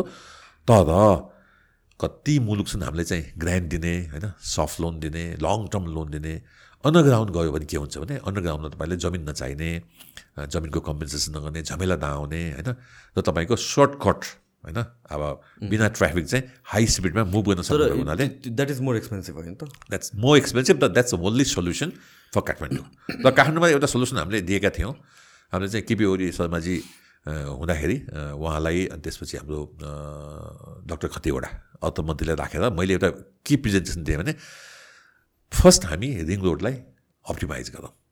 रिङ रोडमा कमसेकम दस लाख भेहिकल जान सक्ने वातावरण बनाऊ कसरी भन्दाखेरि यति धेरै रिङ रोड छ जम्मा चार लाइनमा मान्छे खचाखच छ। त्यसपछिको लाइनमा पार्किङ गरेर राखेका छौँ गाडी पार्क गरेर राखेका छौँ गाडी नै जाँदैन। त्यो त सबै इफिसियन्ट इफिसियन्ट हुनु नि। प्रत्येक फर्स्ट लाइनदेखि लिएर एट लेनसम्म सबै इफिसियन्ट हुनु पऱ्यो नि। त्यति भयो भने अहिलेको रिङ रोडले करिब करिब दस लाख भेहिकल जुन अहिले दुई लाख करिब पुगेको छ भनौँ दुई लाख पुग्ने छ पाँच गुणा बढी यसले ट्रान्सफर गर्न सक्छ। र हामीले के भन्यो भने दुईवटा लेन चाहिँ BRT bus rapid mass transit system भनेर हामी ल्याउँ यसले भएकै रोडलाई चाहिँ युज गर्ने हो। यसमा नयाँ लगानी पनि चाहिएन होइन? त्यही रोडमा चाहिँ इलेक्ट्रिकल बस हालिदिउँ। एउटा क्लकवाइज हालिदिउँ। एउटा एन्टी क्लकवाइज हालिदिउँ र यसको average speed sixty kilometer per hour हुन्छ। अहिलेको average speed below ten kilometer per hour हुन्छ। यानि कि यसले सिक्स टाइम्स चाहिँ प्यासेन्जरलाई बढी ट्रान्सफर गर्छ। र यसको कि पोइन्टबाट हामी फेरि इन्टरनल रेडियल कनेक्सनहरू गर्न सक्यो भने यो बिआरटीले चाहिँ भनेपछि प्रधानमन्त्रीज्यू यति उत्साहित हुनुभयो है हामी भयङ्कर काम गऱ्यौँ। आइबिएनमा गएर तुरुन्तै प्रोजेक्ट पास भयो एक महिनामा है। सत्र अरबको प्रोजेक्ट सबै पास भयो। तर एउटा मन्त्री हुनुहुन्थ्यो म नाउँ लिन चाहन्न। उहाँको इन्ट्रेस्ट म्याच भएन। उहाँलाई त सडक बनाएर पैसा खानु छ है? उहाँले त्यो प्रोजेक्टलाई पुरै थन्काइदिनु भयो अहिलेसम्म त्यो बिआरटीको प्रोजेक्ट चाहिँ अगाडि बढ्न सकेन। अब यदि त्यो रिङ रोडमा बिआरटी प्रोजेक्ट आयो भने पोल्युसन फ्री आफ्नो बिजुलीले चल्ने है? अहिलेभन्दा सिक्स टाइम्स चाहिँ ट्रान्सफर हुने। इभन म मेरो गाडी लिएर जान्न कि? मेरो गाडी मेरो मेरो गाडी लिएर गयो भने म जाममा बस्नुपर्छ।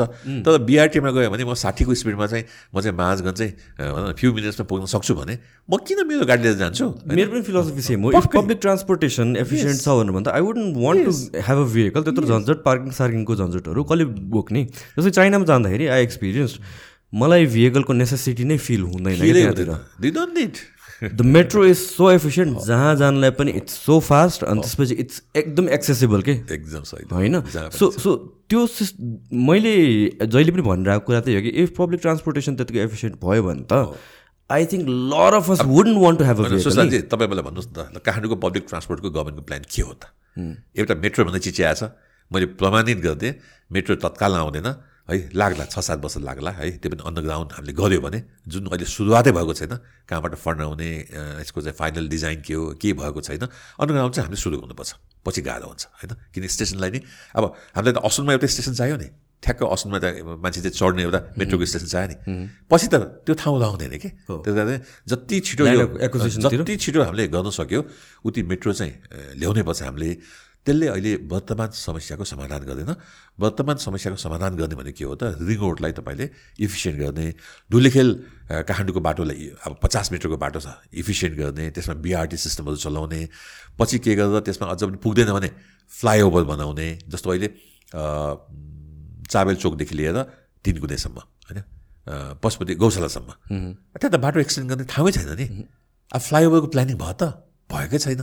त्यहाँ त फ्लाइओभर प्लानिङ गरेर कन्स्ट्रक्सन सुरु गर्नुपर्ने। ताकि आउने पाँच वर्षमा माथिबाट हाई स्पिड भेहिकलहरू जाओस् तल्लोबाट चाहिँ लोकल भेहिकल जाओस् होइन? त्यसमा चाहिँ हामी फेरि भनिहालेँ हामी चाहिँ मुलकट्टाको देश हो जसको टाउको छैन। सबै चिज छ मसल छ है औँला छ कर्मचारी तन्त्र छ सबै छ है राजस्व छ ट्याक्स प्रशासन छ के छैन? अख्तियार छ सम्पत्ति शुद्धिकरण छ तर टाउको छैन देशको। हिल्सको टाउको छ यो गर्कोमा फ्लाइओभर बनाउने भनेर प्रोजेक्ट एउटा आएको थियो हल्ला आएको थियो त्यो के हो त्यो टेन्डर टेन्डर भइसक्यो टेन्डर भइसक्यो त्यो अब अब मेरो विरोध त्यो बनाएको भएन कि। मेरो विरोध के भने पाँच वर्ष अगाडि अगाडि बनाएको रिङ रोडमा त्यो प्लानिङ पहिले पर्नु पर्दैन। अहिलेसम्म त बनिसक्थ्यो नि। त्यही कस्टले हुन्थ्यो चाइनाको ग्रान्टले हुन्थ्यो नि। फन्ड जान्थेन। होइन फन्डको समस्या ठुलो होइन। फन्ड त गयो गयो। गाउँ जाने हस् गाउँको लागि हस्पिटलमा जाने फन्डहरू फ्लाइओभरमा हामीले लाउनु पऱ्यो है। पहिलो कुरो। दोस्रो कुरो त्यहाँ कति डिस्टर्ब हुन्छ अब? त्यसले कति ट्राफिक जाम गर्छ? परिकल्पना गराउँछ त। अब त्यो फ्लाइओभर भन्दाखेरि अब हाम्रो त उही हो फेरि वर्षौँ लाग्छ है? कति ट्राफिक जाम गर्छ? त्यो एउटा होइन फेरि। त्यसपछि नेक्स्ट हामी कहाँ बनाउनु पर्छ? साधोमा बनाउनु पऱ्यो बल्कुमा बनाउनु पऱ्यो होइन? यो त यो त नबनाए सुखै थिएन भने पाँच वर्ष अगाडि हाम्रा डिजी साहबहरू सडकका डिजी साहबहरू जसले यो चिनको संस्था गरेका थिए यो ग्रान्डको के हेरेर बसेका थिए? त्यो मान्छेको नाउँ चाहिँ म लिन चाहन्छु कि?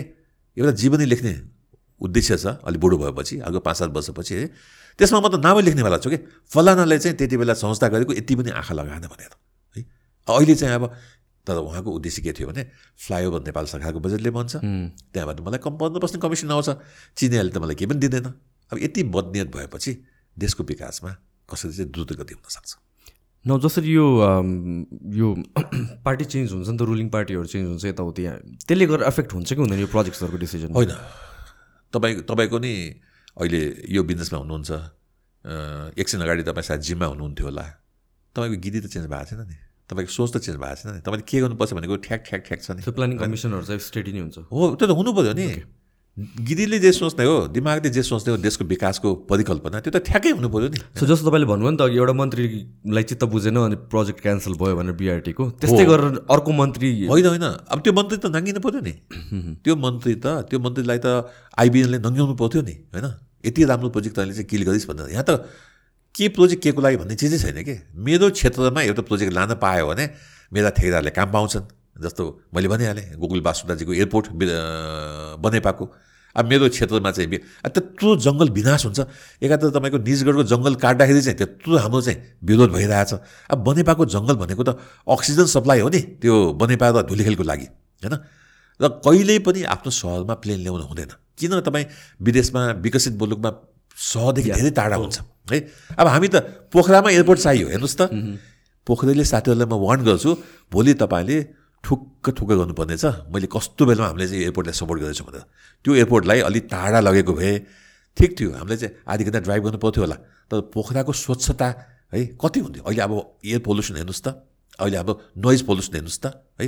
एयरपोर्ट भनेको कहिले पनि तपाईँको विगतमा हो सिटी सेन्टरमा राख्ने हो नजिकै राख्ने हो। अहिले तपाईँको जहिले पनि कुनै पनि एयरपोर्ट हेर्नुहोस् तपाईँ चाहे अमेरिकाको एयरपोर्ट हेर्नुहोस् चाहे तपाईँ चिनको एयरपोर्ट हेर्नुहोस् जापानको एयरपोर्ट हेर्नुहोस् सबै सहरदेखि निकै टाढा राखिन्छ। So or about Nijgadh airport त्यो चाहिने नै हो कि? र त्यसको अल्टरनेटिभ छ कि छैन? छैन पटक्कै छैन हेर्नुहोस्। अब पहिलो कुरो के भने जति बेला यो त्रिभुवन विमानस्थल चाहिँ जापानको सहयोगमा बन्यो यसको क्यापेसिटी एक्सपान्सन प्लान पहिले गर्नु पर्दैन थियो होइन? गरेनौँ हामीले के? कति वर्ष भयो खै तिस पैँतिस वर्ष भयो होला मेरो अझ बढी भयो होला है? एयरपोर्ट बनाइसकेको। अहिलेसम्म त्यही एयरपोर्टले धान्छ त। अब कति मूर्ख छौँ भने मैले डिजाइन हेरेको थिएँ कि? डोमेस्टिक एयरपोर्ट एक्सपान्सनको डोमेस्टिक टर्मिनल एक्सपान्सनको मैले हेरेको थिएँ। अनि त्यो इन्जिनलाई मैले क्वेसन गरेँ कि तपाईँको यो एयरपोर्ट त डोमेस्टिक त यति बढ्नेवाला छ किनकि यहाँबाट पोखरा जाँदा मलाई चाहिँ अब पाँच घन्टा ड्राइभ गर्नुपर्छ होइन? यदि म प्लेनमा गएँ भने बाइस मिनटमा पुग्छु भने त्यो त एउटा the most efficient way of हो नि। र तपाईँलाई एउटा फेरि कुरा भन्छु मैले गाडी ड्राइभ गर्दा पर पर्सन पर किलोमिटर जति फ्युल कन्ज्युम हुन्छ नि त्यसको आधा मात्रै कन्ज्युम हुन्छ इयरमा। अनि त्यति सस्तो पर्छ कि खालि प्लेन महँगो भएर हाम्रो फ्युल सर सरचार्जहरू महँगो भएर फ्लाइट चाहिँ महँगो परेको हो। तर तपाईँ एक दिन पाउनु पनि तपाईँले दिनभरि पोखरा जाँदाखेरि एउटा एउटा एउटा एउटा साधारण मान्छेको तिन हजार चार हजार रुपियाँ त उसको प्रोडक्टिभिटी जान्छ नि। साधारण मान्छेको नि है? फेरि हजार रुपियाँको टिकट लाग्यो यानि पाँच हजार लाग्यो। पाँच हजारभन्दा कममा तपाईँले टिकट पाउनुहुन्छ नि? र तपाईँ तत्काल पुग्नुहुन्छ नि? देशको प्रोडक्टिभिटी बढ्छ नि। आज हजारौँ मान्छे पोखरा गइरहेछन् हाइवेमा छन्। त्यो त प्रोडक्टिभिटी किल हो नि? है? त्यस कारण चाहिँ एयरलाइन्स एकदमै चाहिने चिज हो है? डोमेस्टिक एयरलाइन्स होइन? तर कहाँ कहाँ भन्ने कुरो चाहिँ डिफाइन हुनु पऱ्यो होइन? अर्को के छ भने त्रिभुवन एयरपोर्ट बनाउँदाखेरि हामीले एक्सपान्सन प्रोग्राम राम्रो बनाएनौँ होइन? अब कस्तोसम्म भने यत्रो फ्लाइट आउने यत्रो लेभल बाहिर जाँदैछ पार्किङ गर्ने ठाउँ नभएर प्लेन चाहिँ घुमिराख्ने दुई घन्टा आकाशमा। कति कति कति कति मूर्ख हामी होइन? अनि हाम्रो हाम्रो फ्लाइट महँगो पर्दैन। बल्ल अहिले कति तिन चारवटा बेड थपेर होइन? चारवटा किन थपेको? अर्को दसवटा थपे हुन्थ्यो होइन? अर्को म तपाईँलाई सानो इक्जाम्पल दिन्छु। अब कहिलेकाहीँ त आफै आफै अचम्म लाग्छ क्या। के हो यो कस्तो देश हो जस्तो लाग्छ। तपाईँ हेर्नुहोस् कोटेश्वरको ऊ त्यो जक्सन हेर्नुहोस्। जापानले पचास गज पचास मिटरको बाटो बनाइदियो धुलीखेल जाने। त्यहाँ टी आएर जोडियो तपाईँको हाम्रो यता कलङ्कीबाट आएको बाटो चाहिँ रिङ रोड आएर जोडियो। अब पचास मिटरको दस लेन आठदेखि दस लेन भएको बाटोमा ट्राफिकले आइजा आइजा भनेर सिग्नल गरेर त्यो छचोटिमा आठचोटिमा एकचोटि पालो लिएर त्यो जाम हुँदैन जाम हुँदैन। काठमाडौँमा भेहिकल धेरै छैन। काठमाडौँमा गाडी बढी भयो भन्छन्। काठमाडौँको गाडी पर क्यापिटा धेरै कम छ। मोटरसाइकल पर क्यापिटा अलिक बढी भएको छ। गाडी पर क्यापिटा काठमाडौँमा छैन। हेर्नुहोस् मान्नुहोस् गाडी अझ पनि थुप्रै थप्न सकिन्छ। हजारौँ गाडी थप्न सकिन्छ। तर त्यस्तो त्यस्तो तपाईँको सिस्टमले त्यहाँनिर के हुनु पर्थ्यो भने तिनको दिन अब हामीले भन्यौँ होइन मन्त्रीज्यूलाई दुई वर्ष भयो हामी भनिदिएको हामीले के भन्यौँ भने तिन कुनेबाट ए- यो एयरपोर्ट मुनिबाट एउटा चाहिँ टनल खन्यौँ होइन कट एन्ड कभर गरेर त्यसपछि त्यसलाई कहाँ निकाल्यौँ त? जडीबुटीको अगाडि निकाल्यौँ। जडीबुडीमा जाने गाडी सिधै उता गएपछि त यो जुन तपाईँको कोटेश्वरको जाम त अस्सी पर्सेन्टले घट्छ एट्टी पर्सेन्टले घट्छ। बसन्त नेवाङजी साथी हो मन्त्री आउनुभयो। उहाँले एउटा प्रोजेक्ट गर्नुभयो। त्यो साइडको अलिकति रोड एक्सपान्सन। हेर्नुहोस् त थर्टी पर्सेन्ट तपाईँको रिलिफ भएर गयो। एउटा त्यति सानो काम गर्दा थर्टी पर्सेन्ट भएर गएको छ तर एउटा घरले अझ पनि त्यहाँ रोकिदिएको अवस्था छ। उसले मुआब्जा नपाएको भनेर होइन? त्यो चाहिँ क्लियर गर्न सकेको छैन। त्यस कारण चाहिँ यसको सल्युसन के हो भने तिन गुनेबाट तपाईँको सिधै एउटा अन्डरपास है? जुन हामीले कट एन्ड कभर गरेर हुन्छ। किन माथि रनवे छैन। माथि तपाईँको लाइटिङ एरिया हो। त्यसलाई चट्ट कट गर्ने। अनि रेडिमेड कङ्क्रिट स्ल्याबहरू ल्याएर ढक ढक ढक बनाएर त्यसलाई पुरिदियो भने कोटेश्वरको ट्राफिक जाम तपाईँको सायद तिन चार अरब रुपियाँ पैसाले तपाईँको पुरा समाधान आउँछ। तर हामी के गर्दैछौँ त? चाइकालाई अध्ययन गर्न दिएका छौँ। त्यहाँ चाहिँ अब दसौँ बिसौँ अरब लगाएर चाहिँ पुरै अन्डरग्राउन्ड गर्ने त्यो त्यो त्यो सुरु हुने कहिले? बन्ने कहिले? त तत्काल गर्ने काम त यो हो नि। त्यसमा चाहिँ पूर्वाधारमा हाम्रो चाहिँ मुर्कट्टै छ देश है? कुन देश कुन पूर्वाधार पहिला चाहिने? अब म चाहिँ पूर्वाधार विज्ञ होइन। म अब विज्ञ त होइन जलस्रोतमा बढी धेरै नलेज राख्छु है? तर अरू पूर्वाधार पनि यसो हेर्दाखेरि मलाई के लाग्छ भने देशले प्रपरली सोचेकै छैन सो आवश्यकता। जस्तो कि रिङ रोडको त हामीले कुरा गऱ्यो होइन वड आउट भित्रको चाहिँ कसरी म्यानेज गर्न सकिन्छ होला? अनि यस्तो हो। तपाईँको सबै ठाउँमा तपाईँले म्यानेज गर्न सक्नुहुन्न होइन? तपाईँ अब दिल्लीमा जानुहोस् न। दिल्लीमा पनि चाँदन चोकमा त जाम त उस्तै छ नि। त्यो तपाईँले म्यानेज गर्न सक्नुहुन्न। असनको तपाईँले ट्राफिक म्यानेज गर्न सक्नुहुन्न। असनको ट्राफिक तपाईँले म्यानेज गर्न सक्नुहुन्न। त्यस्तै तपाईँको थमेलको ट्राफिक म्यानेज गर्न सक्नुहुन्न। त्यहाँ वकिङ स्ट्रिटमा आउनुपर्छ होला सायद होइन? यी चिजहरू होला। तर जहाँ सकिन्छ होइन? त्यसलाई तपाईँले गर्नुभयो भने अब समस्या के छ भने रिङ रोडमा तपाईँको प्रत्येक पचास मिटरमा तपाईँको क्रसिङ आउँछ। त्यो जम्मै क्रसिङलाई होइन? पहिलो लेनबाट सर्भिस लेनबाट तपाईँको लगेर आठ दसवटा क्रसिङलाई एक ठाउँमा लगाएर तपाईँको त्यहाँ ट्राफिक लाइटलाई सर लैदियो भने त इफिसियन्सी त तपाईँको के भने डबल ट्रिपल भएर जान्छ नि होइन? बिआरटी राखिदियो भने तपाईँको सिक्सटी किलोमिटरमा बस गुड्न सक्छ नि होइन? तर हामी यो केही पनि गर्दैनौँ। त्यसले गर्दा मलाई के लाग्छ भने हामी अझ बिग्रिने क्रममै छौँ होइन?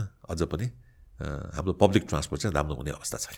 हाम्रो अर्को डरलाग्दो डिपेन्डेन्सी भनेको चाहिँ यो पेट्रोलियममा हो कि होइन सो त्यो भनेको त इमिडिएट अहिले नै रिसेन्टली नै एफेक्ट गर्छ त्यसले हामीलाई? होइन हामी मात्र होइन। टोटल साउथ एसियामा तपाईँको एनर्जी कहाँबाट आउँछ त? पहिला कहाँबाट आउँथ्यो? दाउराबाट आउँथ्यो। हामी पनि सत्तरी असी पर्सेन्ट होइन। त्यो मुक्तिनाथको फोटो हेर्नुहोस् त। मुक्तिनाथ मन्दिरको पछाडि तपाईँको जम्मै जङ्गल थियो। तपाईँले साठी सत्तरी वर्ष अगाडिको मुक्तिनाथको फोटो हेर्नुहुन्छ भने मैले फोटो देखाएँ म दङ्ग आएँ कि? त्यस्तो ठाउँमा पनि त्यस्तो हिउँ पर्ने ठाउँमा पनि जङ्गल टन्नै रहेछ त्यति बेला। अहिले एउटा दुःख पनि पाउनुहुन्न कि किन सबै काटेर हामीले चाहिँ खाना बनाउन प्रयोग गऱ्यौँ होइन? अहिलेसम्म पनि हामी सायद फोर्टी पर्सेन्ट भन्दा सिक्सटी पर्सेन्ट चाहिँ फोर्टी पर्सेन्ट तपाईँको दाउराबाट हामी खाना बनाउँछौँ गाउँमा है? अब सहरमा त हुँदैन। बाँकी ग्यासबाट पैँतिस लाख चुलो साठी लाख चुलोमा पैँतिस लाख चुलो त तपाईँको हाम्रो आयातित ग्यासले गर्छ। भारतसँग हाम्रो यति दुश्मनी छ यति हामी राष्ट्रवाद छौँ भारतको एगेन्स्टमा तर भारतबाट आएको ग्यासमा हामी के नभए नि एक महिनामा एक अर्ब वर्षमा बाह्र अर्बको सब्सिडी दिन्छौँ। है यस्तो देश छ हेर्नुहोस् है। तर मलाई के लाग्छ भने यो इन्धनको समस्या सबै देशमा छ। भारतले गत आर्थिक वर्ष गत आर्थिक वर्षमा एक सय तिस वान थर्टी बिलियन डलरको पेट्रोलियम पदार्थ इम्पोर्ट गर्यो। जुन साठी सत्तरी हुन्थ्यो है। हामी टु बिलियन डलरमा पुगिसक्यौँ। आज हाम्रो इम्पोर्ट बिल सबैभन्दा हाइएस्ट भनेको के हो? पेट्रोलियम प्रडक्ट हो।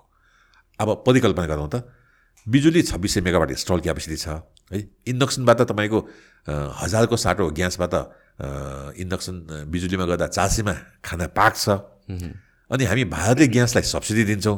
हाम्रो बिजुलीले चाहिँ महँगो बनाउनलाई हामी कोसिस गर्छौँ। तर यो त अवेरनेसको कमी पनि हो नि होइन र? होइन त्यो इन्डक्सन किन युज गर्ने भने म म त्यो चाहिँ कुरो होइन त्यो काम कसको हो? त्यो काम राज्यको होइन। नेपाल नेपाल विद्युत प्राधिकरणको होइन। म पनि अब जस्तो कि मेरो पनि घरमा पहिलादेखि नै ग्यास युज गर्थ्यो। आई थिङ्क मोस्ट पिपल घरमा थियो जुन बेला यो नाकाबन्दी भएको थियो नि लास्ट टाइम त्यसपछि मैले इन्डक्सनमा स्विच गरेँ।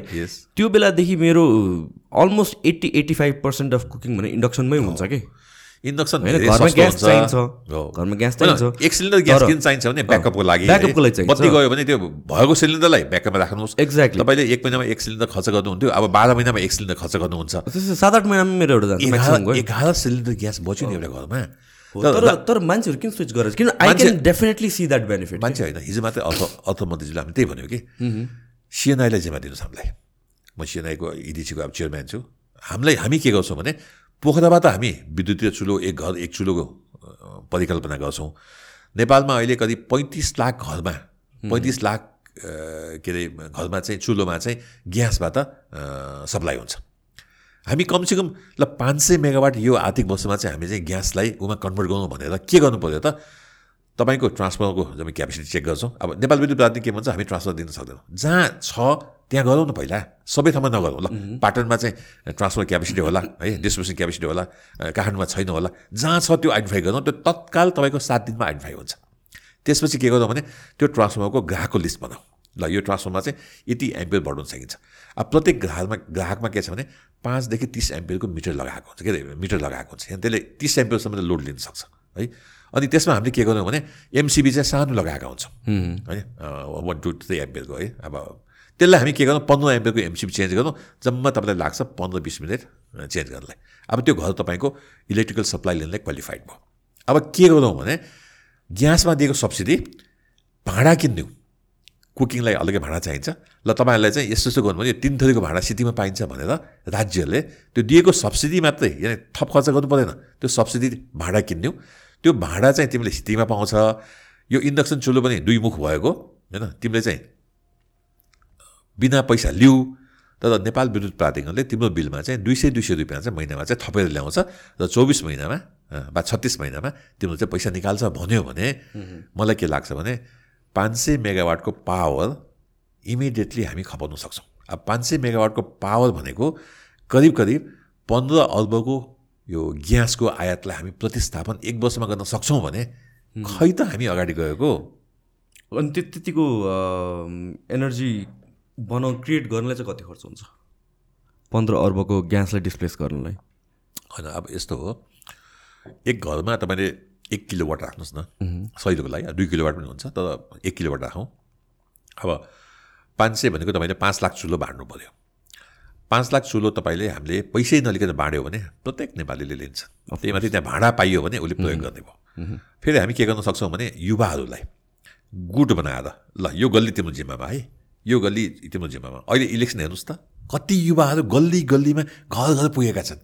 तर राजनीतिक विकृतिको लागि त्यसलाई संस्कृति विकासको लागि हामीले यदि चाहिँ युवाहरूलाई र तिमीहरू प्रत्येक घरमा गएर होइन अनि एउटा घरमा अगाडि चत्त म चाहिँ विद्युतीय चुलो प्रयोग गर्छु भनेर प्राइडको साइन हामीले राख्न सक्यो भने इभन इन्डक्सन चुलो पनि नेपालमै एसेम्ब्ली गर्न सकिन्छ। नेपालको झन्डा छाप्न सकिन्छ। र त्यसको उत्पादन कस्ट तपाईँको यदि राज्यले अलिक सब्सिडी गर्यो भने दुईवटा चुलोको तपाईँको तिन हजार रुपियाँमा पर्छ है त्यो चुलो हामीले सिटीमा दिएर यदि यदि यदि तपाईँको उसले चाहिँ के अरे सरी अब मैले तिन हजार भने तिन हजार होइन चौध पन्ध्र हजार चाहिँ पर्छ। राम्रो फर्स्ट क्लासको यदि हामीले गऱ्यो भने। यदि त्यो गर्न सक्यो भने मलाई के लाग्छ भने प्रत्येक घरले बिजुली खपत गर्छन्। बिजुली गएको बेलामा फेरि ग्यास त उसँग ब्याकअप छँदैछ है? अब आफ्नो बिजुली खपत नगर्ने अब आउने बर्खामा तपाईँको नेपाल विद्युत प्राधिकरणले लक्कीली यो पालि प्रधानमन्त्रीको भिजिटले हामीलाई बिजुली बेच्ने केही अवसर दिएको छ। अब तिन सय साठी सत्तरी मे साठी पैँसठी मेगावाट हामी बिक्री गर्न सक्छौँ। भारतले सबै ओपन गरेको छैन। अर्को हाम्रो एक्सचेन्ज छ बिहारसँग युपीसँग।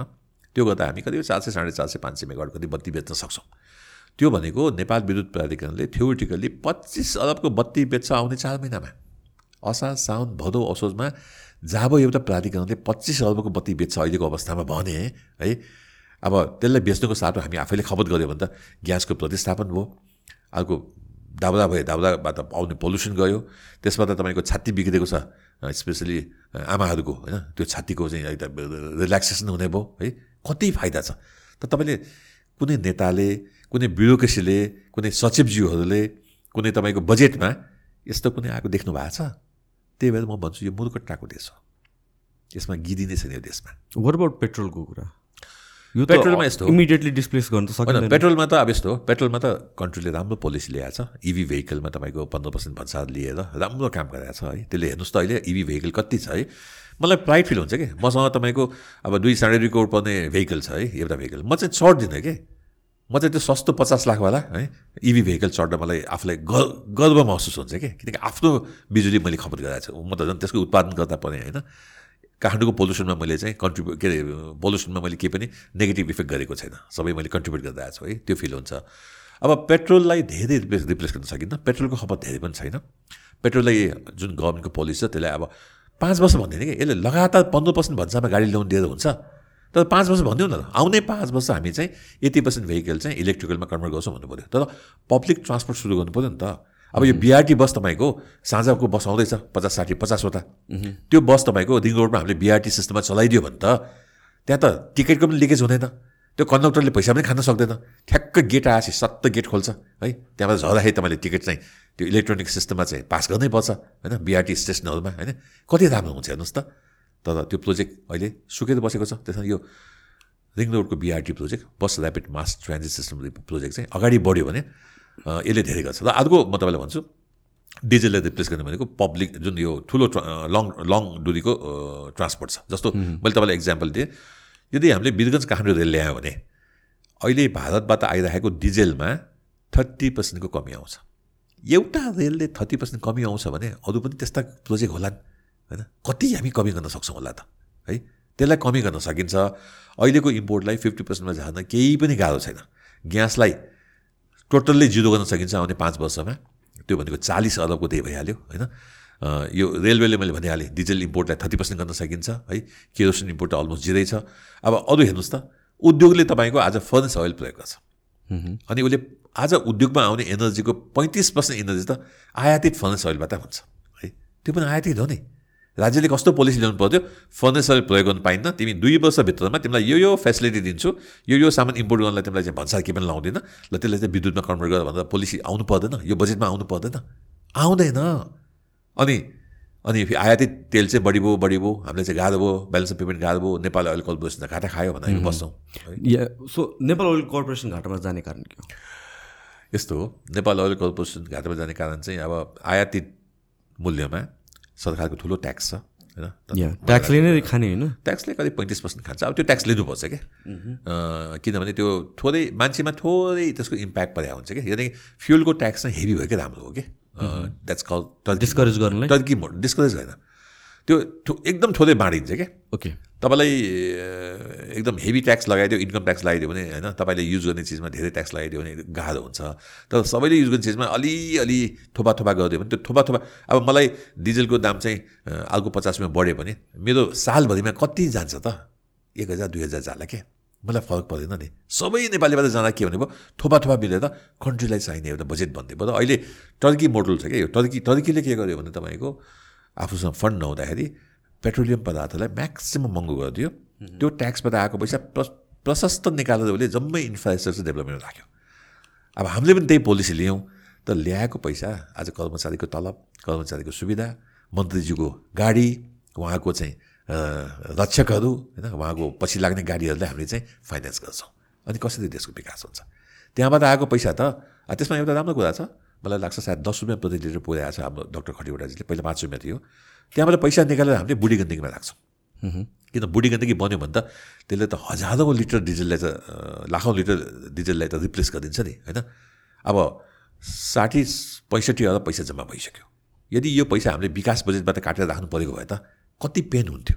गाउँमा जाने सानो सानो हस्पिटलको लागि औषधिले जाने गाउँको विकासलाई जाने बजेट हामीले काटेर हामीले चाहिँ ऊर्जामा लाउनु पर्थ्यो। त्यस कारण मलाई के लाग्छ भने पेट्रोलियमलाई पहिलो ग्यासलाई हामीले शून्यमा लाने पाँच वर्षमा लाने पोलिसी ल्याउनु पऱ्यो त्यसपछि डिजललाई मिनिमाइज गर्ने वीरगन्ज काठमाडौँ जस्तो रेललाई चाहिँ चोभारको लाइन एक्वेसन गरेर प्रोजेक्टलाई पाँच वर्षमा ल्याउन कोसिस गर्नु पऱ्यो यस्तो चिज गर्दै गयो भने यसलाई शून्यमा लान सकिन्न तर भएको सिस्टमलाई तपाईँको ग्रोथमा जान नदिकन फिफ्टी पर्सेन्टमा जान सकिन्छ। न त्यो back to petrol petrol NOC लसमा जानु कारण त्यो ट्याक्सेस त भयो। होइन यस्तो हो। अब मूल्य वृद्धि गर्दैन कि? बजारको मूल्य बजारमा बेच्ने मूल्यमा ट्याक्स तिरेर इन्डियन ओइल कर्पोरेसन आइओसीले दिएको प्राइसमा ट्याक्स जोडेर आउँदाखेरि उसको जति मूल्य पर्छ त्योभन्दा सस्तोमा उसले बेच्नुपर्छ।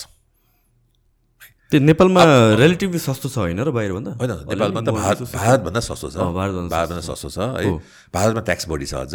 तर भारतको राम्रो पक्ष के छ भने त्यो ट्याक्स जम्मै तपाईँको पूर्वाधार विकासमा गएर अहिले नितिन गडकरीजीले तपाईँको अब यति लाख करोडको रोड यति लाख करोडको चाहिँ सिस्टम यति लाख करोडको चाहिँ अब रेलवे करिडोर भनेर बनाइदिनु भएको छ। तर पैसाले। इन्डियाको फ्युल क्वालिटी र हाम्रो फ्युल क्वालिटी सेम हो र होइन नि? अलमोस्ट सेम हो। फरक छैन। हामी इन्डियामा ल्याएको भएको हुनाले इन्डियामा डिफ्रेन्ट क्वालिटीको एभाइलेबल छ। हामी कहाँ सिङ्गल क्वालिटीको आउँछ। र कस्तो छ भने तपाईँको अब विगतको म तपाईँलाई सानो रिकल गर्न चाहन्छु कि?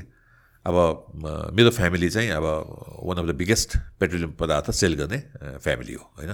नारायणगढमा। अब हामी नेपालभरिको पेट्रोल पम्पमा सायद अब अहिले दाइले हेर्नुहुन्छ सायद बिगेस्ट भोल्युम चाहिँ हामी सेल गर्छौँ।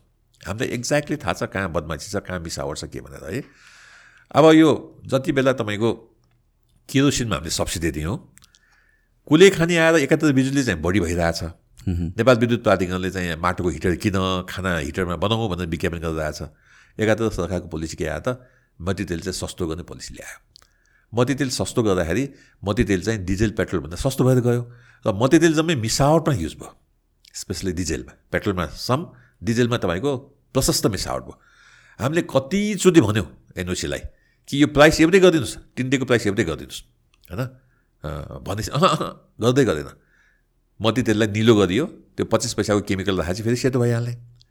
र के भनियो भने होइन यो त गरिब गुरुवाले चाहिँ खाना बनाउने इन्धनलाई हामी महँगो गर्न हुन्न भनिदियो।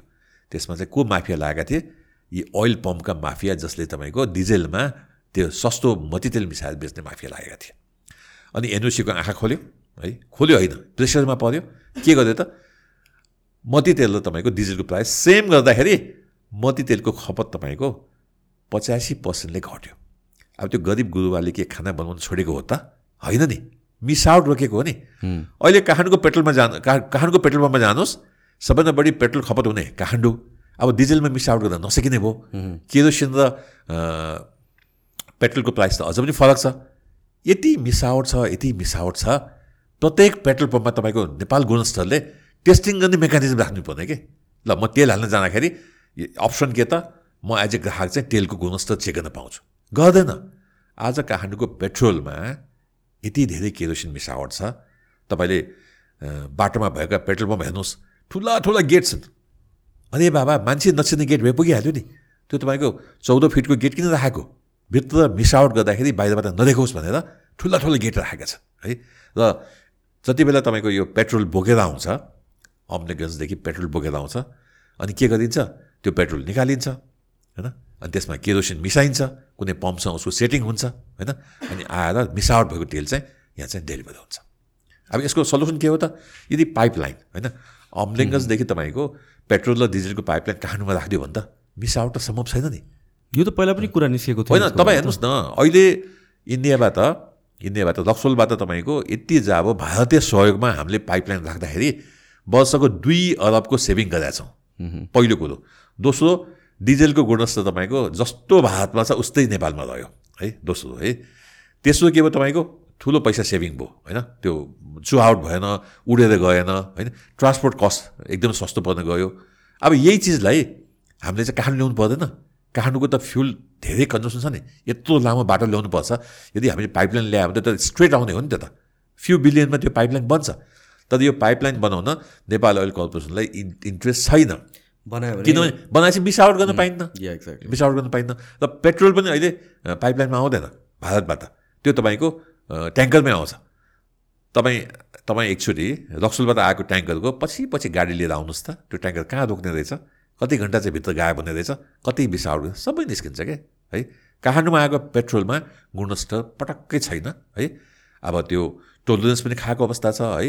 यसलाई अझ क्लिन गर्न सकिन्छ है। त्यसले गर्दा मलाई के लाग्छ भने हाम्रो आफ्नो चाहना नै छैन स्वच्छतामा। त्यसले यो मिसावट गर्दाखेरि त्यसको पर्फर्मेन्समा भेहिकल्सको होइन भेहिकल त खतम हुन्छ नि। भेहिकल त खतम हुन्छ नि। माइलेजहरूलाई पनि एफेक्ट गर्छ। माइलेज खतम हुन्छ। भेहिकल त्यो भन्दा पल्युसन के? किन तपाईँको त्यो हरियो स्ट्रगर लगाएको गाडी चाहिँ यत्रो कालो मुस्लो धुवा निकालेर जान्छ? इभन मन्त्रीजीको गाडी अस्ति मेरो गाडी एउटा मन्त्रीजीको गाडी थियो है। प्रायड हो त्यो पनि नयाँ थियो हेर्नुहोस् है। मैले यसो नम्बर हेरेँ नयाँ यो त धेरै पुरानो होइन यो त दुई तिन वर्षभन्दा पुरानो होइन। यत्रो कालो मुस्लो छोडेर गएको थियो। त्यो गाडीको समस्या होइन कि? त्यो तेलमा मिसावट सायद त्यो ड्राइभर भाइले अझ मिसावट होला। अझ त्यसमा अलिकति केरोसिन आफै थपे होला है? अनि केरोसिन थपेपछि त कालो धुवा आउनु स्वाभाविक हो है? छन चाहिँ अगाडि हरियो स्टिकर छ। जब हामी यस्तो सिस्टममा बाँच्छौँ है त्यति त्यति त्यति बेला चाहिँ स्वच्छताको कुरा गर्नु सबै बेकार कुरा हो okay let's talk about Nijgadh निजगढको एकदमै मेरोमा चाहिँ प्रायः डिस्कसन भइरहेको हुन्छ होइन? अनि इन्ट्रेस्टिङली अस्ति एउटा एकजना आउनुभएको थियो लयरले उहाँले चाहिँ निजगढको चाहिँ अम, विकल्प छ भन्नु भएको थियो।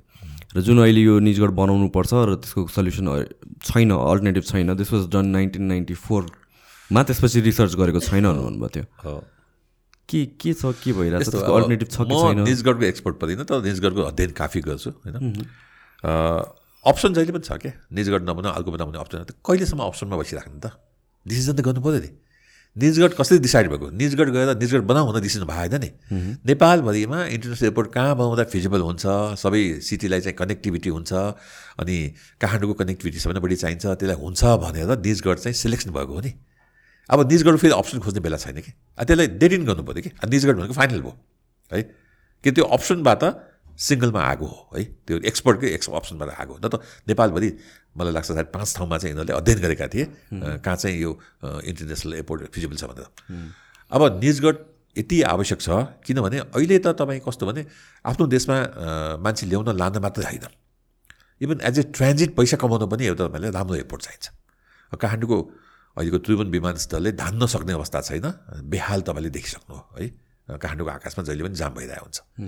त्यो अवस्थामा मलाई के लाग्छ भने निजगढ तत्काल सुरु गर्नुपर्छ। अब विरोधीहरूले के भनेको छन् भने अब जङ्गल काट्न नदिने रे।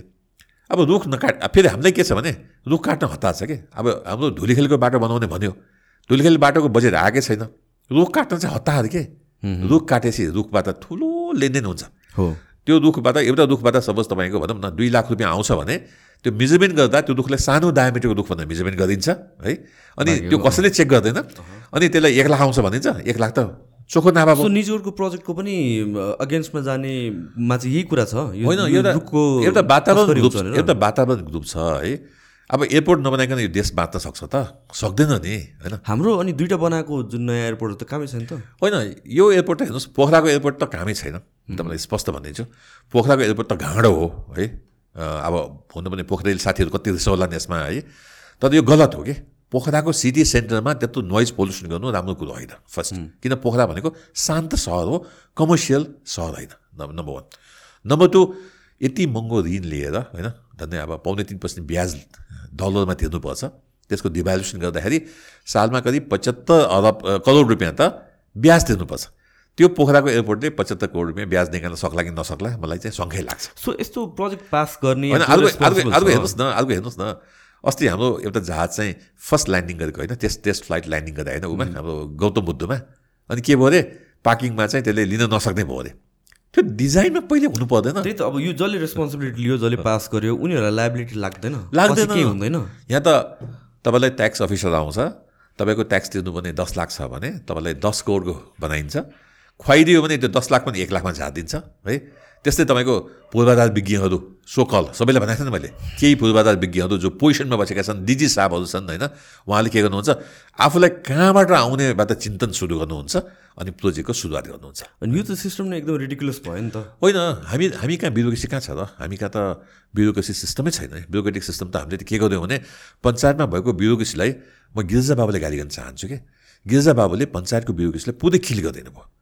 भारतमा आज जति पनि मोदीका नजिकका प्रधानमन्त्री मोदीका नजिकका एक्सपर्ट छ नि कङ्ग्रेस आएका एक्सपर्ट पनि त्यही थिए कि? अहिले मोदीका एक्सपर्ट भएका छन्। चार सय अस्सीजनाले उहाँलाई एडभाइस गर्नुहुन्छ। आज हामी अलि राम्रो कुरा गर्दा चिनमा हामी टप लेभल चाहिँ भिजिट गर्न सक्छौँ प्राइभेट सेक्टरले भारतमा मन्त्री हामी भेट्न सक्छौँ। हाम्रा मन्त्रीलाई गएर त्यो कुरा भन्यो भने त जान्ने होस् म त मन्त्री हो नि म जान्ने को छ? मन्त्री त एउटा राजनैतिक ब्याकग्राउन्डबाट आएको मान्छे हो नि। उसँग त विकासको बुद्धि हुँदै हुँदैन। विकासको बुद्धिलाई उसले के गर्नुपर्छ? आफ्ना कार्यकर्तालाई एडभाइजर बनाउने होइन खरो एडभाइजर जसले उसको विरोध गर्छ। त्यस्ता एडभाइजर ल्यायो भने उसको सफलता आउँछ नि आखिरमा त होइन? त्यसो ल्याउनु पर्ने ठाउँमा तपाईँ जानुहोस् त। अब कन्ट्रीको म्यानेजमेन्ट सिस्टम तपाईँले त एउटा मन्त्री क्वार्टर मन्त्री क्वार्टर जानुहोस् न बिहान। बिसजना तिसजना मन्त्रीले भेट्न कुदेर बसेका हुन्छन्। भारतको मन्त्रीको घरमा जानुहोस् त। कोही मान्छे हुँदैन।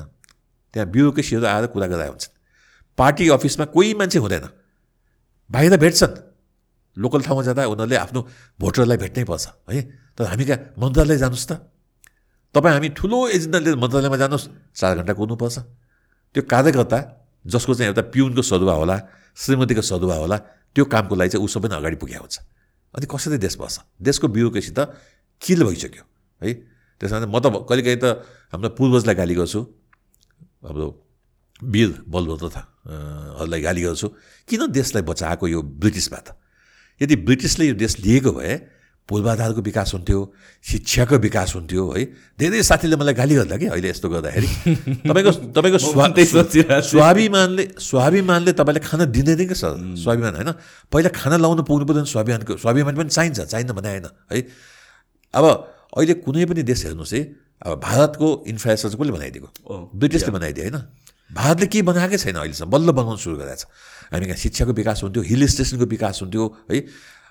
दार्जिलिङ जस्ता ठाउँहरू नेपालमा कति हुन्थ्यो होला है? र ब्युरोक्रेसी तपाईँको यति स्ट्रङ हुन्थ्यो पोलिटिकल चेन्जेसले त्यसलाई चेन्ज गर्न सक्दैन थियो। जुन भारतमा छ अहिले। भारतमा त होइन। जापान हेर्नुहोस् त कति चेन्ज हुन्छ पोलिटिकल्ली छ छ महिनामा प्रधानमन्त्री फेरिन्छ। तर विकासको गति त रोकिएको छैन नि होइन? हामी कहाँ के भयो भने ब्युरोक्रेसीले हाम्रो नेताहरूले किल गरे। अहिले त ब्युरोक्रेसी कस्तो भने सचिवज्यूले मन्त्रीजीको एगेन्स्टमा एक शब्द बोल्नुभयो भने त्यो सचिवको सरुवा हुन्छ। त्यो पनि पार्किङ गर्ने मन्त्रालयमा काम नलाग्ने मन्त्रालयमा। बिचरा सचिवले के गरोस्? त्यस कारण चाहिँ राजनीतिले यो देशलाई खाइदियो। सो सो निजगढको निजगढ चाहिँ हामीलाई चाहिन्छ निजगढ अति आवश्यक not just not just for tourism तर एज ट्रान्जिट यस्तो हो निजहरूलाई त जुन अहिले टोटल प्लान गरेर छ मेरो विचारमा टोटल प्लान अहिले नेपालको धेरै वर्षपछि बिस वर्ष वा तिस वर्षपछिलाई पुग्ने गरेर प्लानहरू गरेको अवस्था छ। निजगढलाई यदि फेज वाइज गरेर काम गऱ्यो भने त्यसको कस्ट पनि घट्छ। अनि त्यसको तपाईँको इन्फ्रास्ट्रक्चर कस्ट धेरै घटेपछि त्यसको फिजिबिलिटी एकदम बढेर जान्छ होइन? अब रुख काट्नुपर्छ तर रुख काट्नलाई अहिले होइन कि? पहिला फन्डिङ फाइनलाइज गरौँ न। होइन? जुन हाम्रो इन्भाइरोमेन्ट साथीहरू छन् उनीहरू चाहिँ रुख काट्नै हुन्न भन्छन् होइन? रुख नकाटे कसरी विकास हुन्छ त? होइन?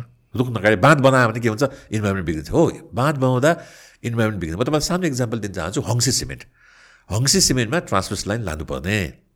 हङ्सी सिमेन्टलाई हामीले अर्बौँको डिजेल चाहिँ भारतबाट आयात गरेर दियौँ। त्यसले यति धेरै पोल्युसन गर्यो त्यसको हामीलाई चिन्ता छैन। तर त्यो अलिकता केही हजार रुख काट्दाखेरि ट्रान्सपोर्ट लाइन बनेर हङ्सी सिमेन्टले चाहिँ आयातित डिजेललाई रिप्लेस गर्दाखेरि कति धेरै पोल्युसन चाहिँ बच्छ त्यो हामीले हिसाब गरेनौँ।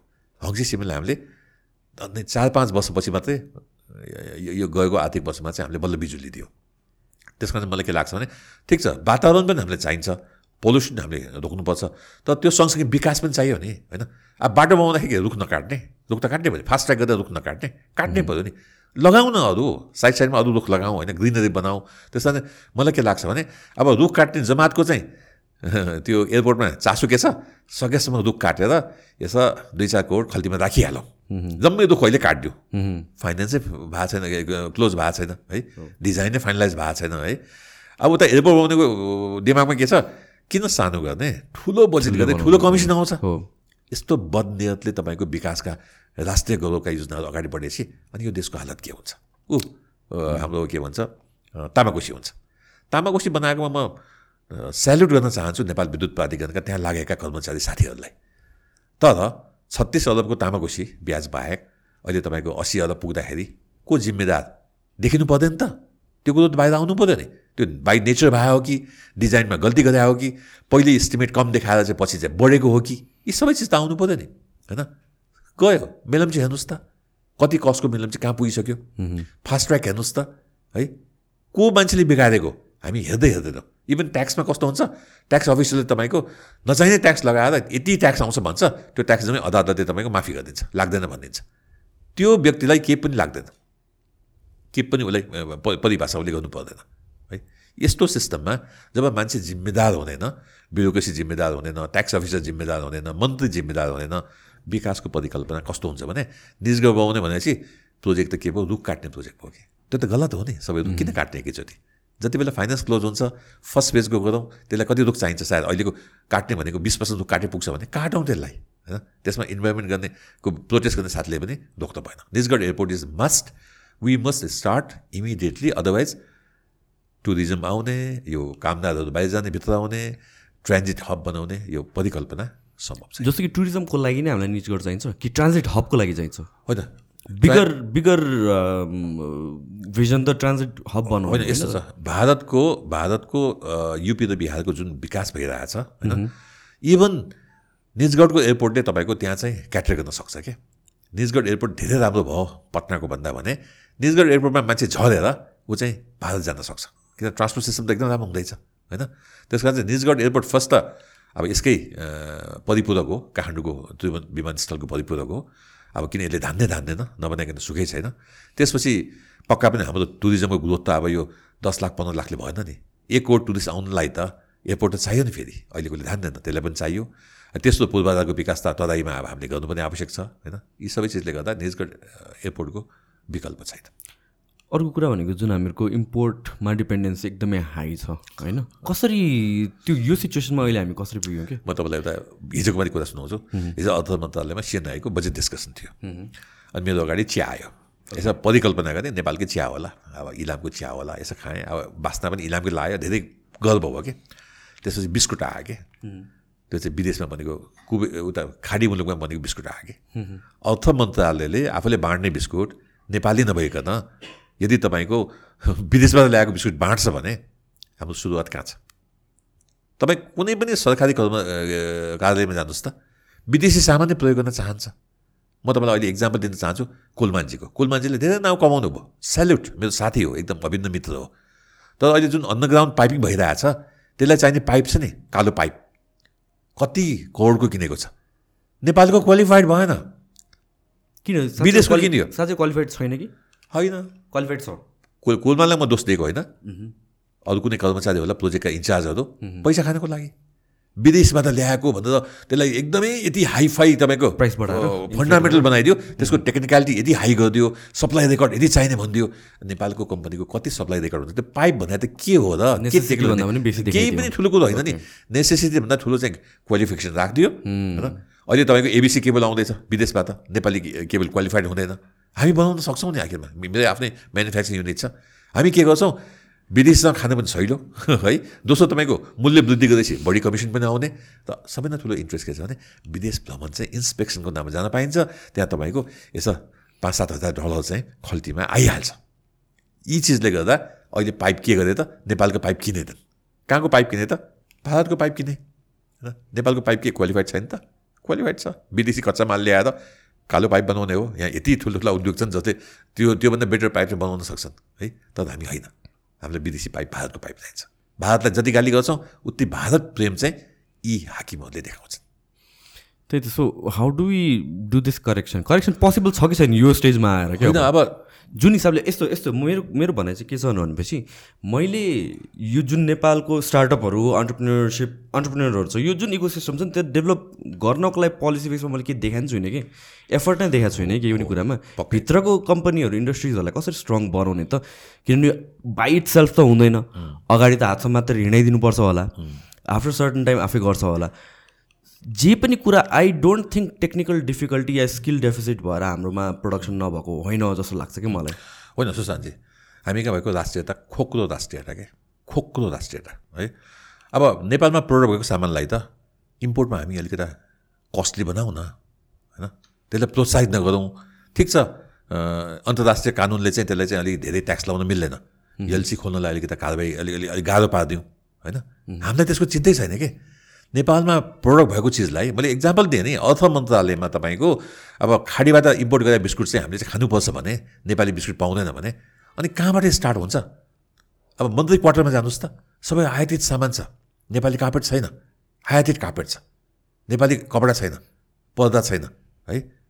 इभन मेरो घरमा पनि त्यही हो। मेरो घर पनि त्यही हो। म पनि उही उही नेपाली हो नि। मैले मन्त्रीज्यू गलत म चाहिँ ठिक भन्न खोजेको होइन। हामी सबै नेपाली। म पनि त्यही त्यही ड्याङको मुला हो कि बिग्रेको ड्याङको मुला हो कि।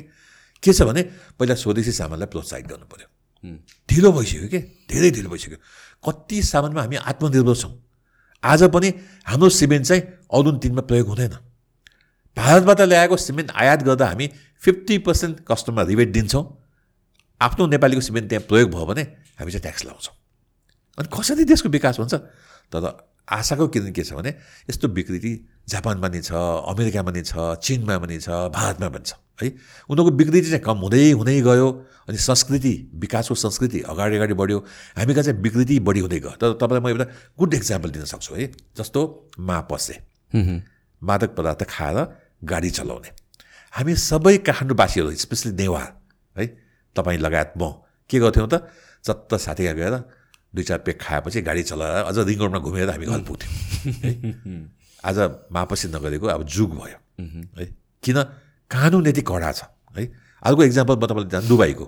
दुबईमा एउटा साथीले पाँच किलो सुन लिएर हिँडिरहेको थियो क्या तँलाई लुट्दैन मैले भने क्या कोहीले आँट्ने भने कि? तँलाई यस्तो लिएको रहेछस् तँलाई आँट्न कति बेला लाग्छ? मै सक्छु तँलाई लुट्न भन्यो भने। लुटेर हेर त तैँले बुलेट खान्छ दुई घन्टामा भन्यो कि? त्यहाँको सजाय के रहेछ? सुन लिएर जाँदाखेरि लुट्यो भने सानो सानो भए हाट काटिदिने होइन भने तपाईँको सुट गरिदिने रहेछ। पब्लिकमा लगेर। मापसी कडा हुँदाखेरि जसरी मापसी आज तपाईँको कति स्ट्रङली अगाडि बढ्यो। अब यस्तो संस्कृतिलाई अगाडि बढाउनु पऱ्यो। जस्तो म तपाईँलाई सानो इक्जाम्पल दिन्छु। कुनै बेला पासपोर्ट लिनको लागि उता हाम्रो राजदरबारमा अफिस हुँदाखेरि राति बाह्र बजे लाइन लागेर पासपोर्ट लिनु पर्थ्यो अनि त्यहाँ यति राम्रो सिस्टम आयो तपाईँले छिटो चाहिन्छ भने पन्ध्र हजार तिरेर पाउने होइन भने क्यु बसेर पाउने है अनि कहीँ एक पैसा खुवाउनु नपर्ने ठ्याक्क ठ्याक्क आफ्नो पालोमा लाइन आउने सबै सिस्टम भयो।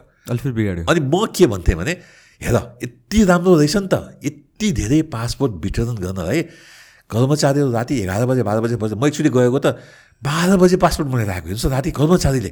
अनि के छ इन्सेन्टिभ भनेको सर ओभर टाइम हो त केही पनि छैन श्रीमतीले गाली खाइसक्यो। अब श्रीमतीलाई खानेकुरा लाँदाखेरि ओभर टाइमको पैसाले पुग्दैन भनेर मलाई जिस्कायो क्या त्यति राम्रो सिस्टमलाई म के भन्थेँ?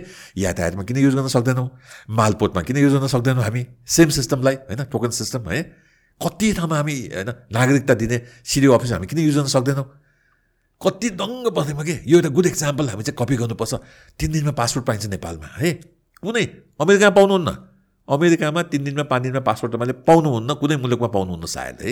नेपालमा पाइन्थ्यो बिना घुस है? अहिले हेर्नुहोस् त। अब किन बिगार्नु पऱ्यो अहिले तपाईँ पाँच हजार रुपियाँ दिनुहोस् त्यहाँ दलाल हुन्छ उसले भित्र तपाईँलाई ढाक्छ तपाईँको पासपोर्ट तिन दिनमै आउँछ। त्यहाँ लेनदेन त्यो पासपोर्ट अफिसमा म यो आजको यो इन्टरभ्यू मार्फत भन्दैछु तत्काल तपाईँको क्यु सिस्टम राखेर इमर्जेन्सीले राख्नुहोस् न पच्चिस हजार राखिदिनुहोस् पचास हजार राखिदिनुहोस् पन्ध्र हजार राखिदिनुहोस् त्यो तिर्न सक्ने मान्छे जान्छ नि। त्यो क्यु त जानेन जनताको दुःख हेर्नुहोस् त। आज हामी आउँदै थियौँ मेरो काठमाडौँ युनिभर्सिटीमा मिटिङ थियो मिटिङ सिधै हामी आउँदै थियौँ।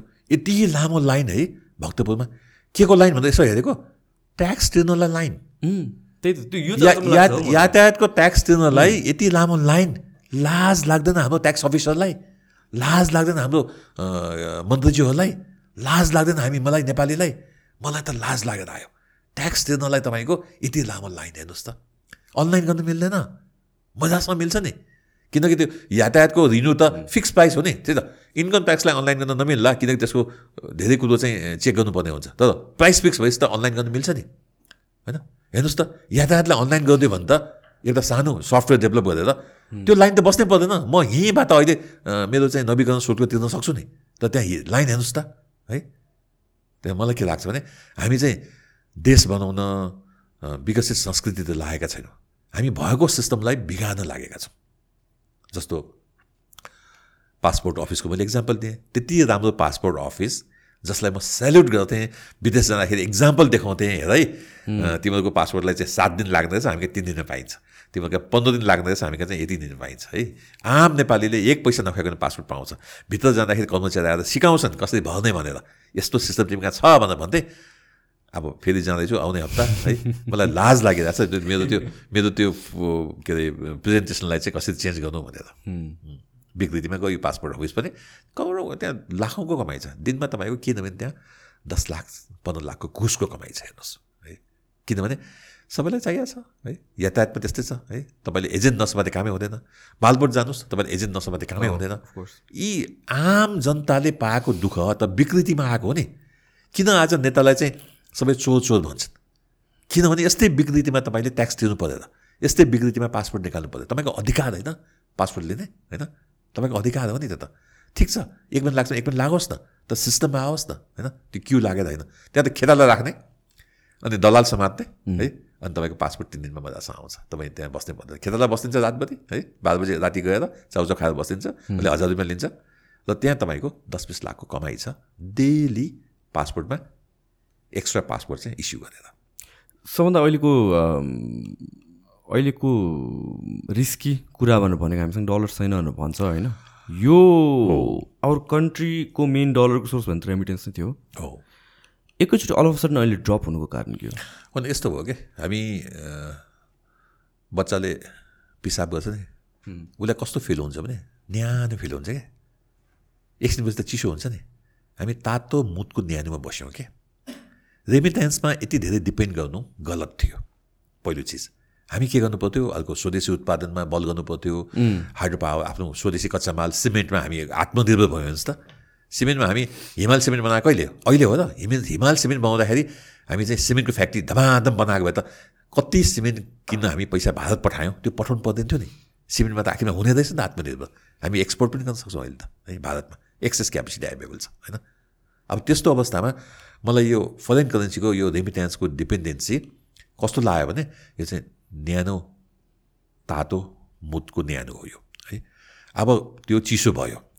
अब के हुन्छ? अब कोभिडमा फेरि हामीले के गरिदियो? कस्तो आत्मविश्वास जगाइदियो हाम्रो अर्थ मन्त्रालयले भने कोभिडले त ओहो बाह्रदेखि चौध महिनाको आयात गर्ने चाहिँ डलर हामीसँग छ।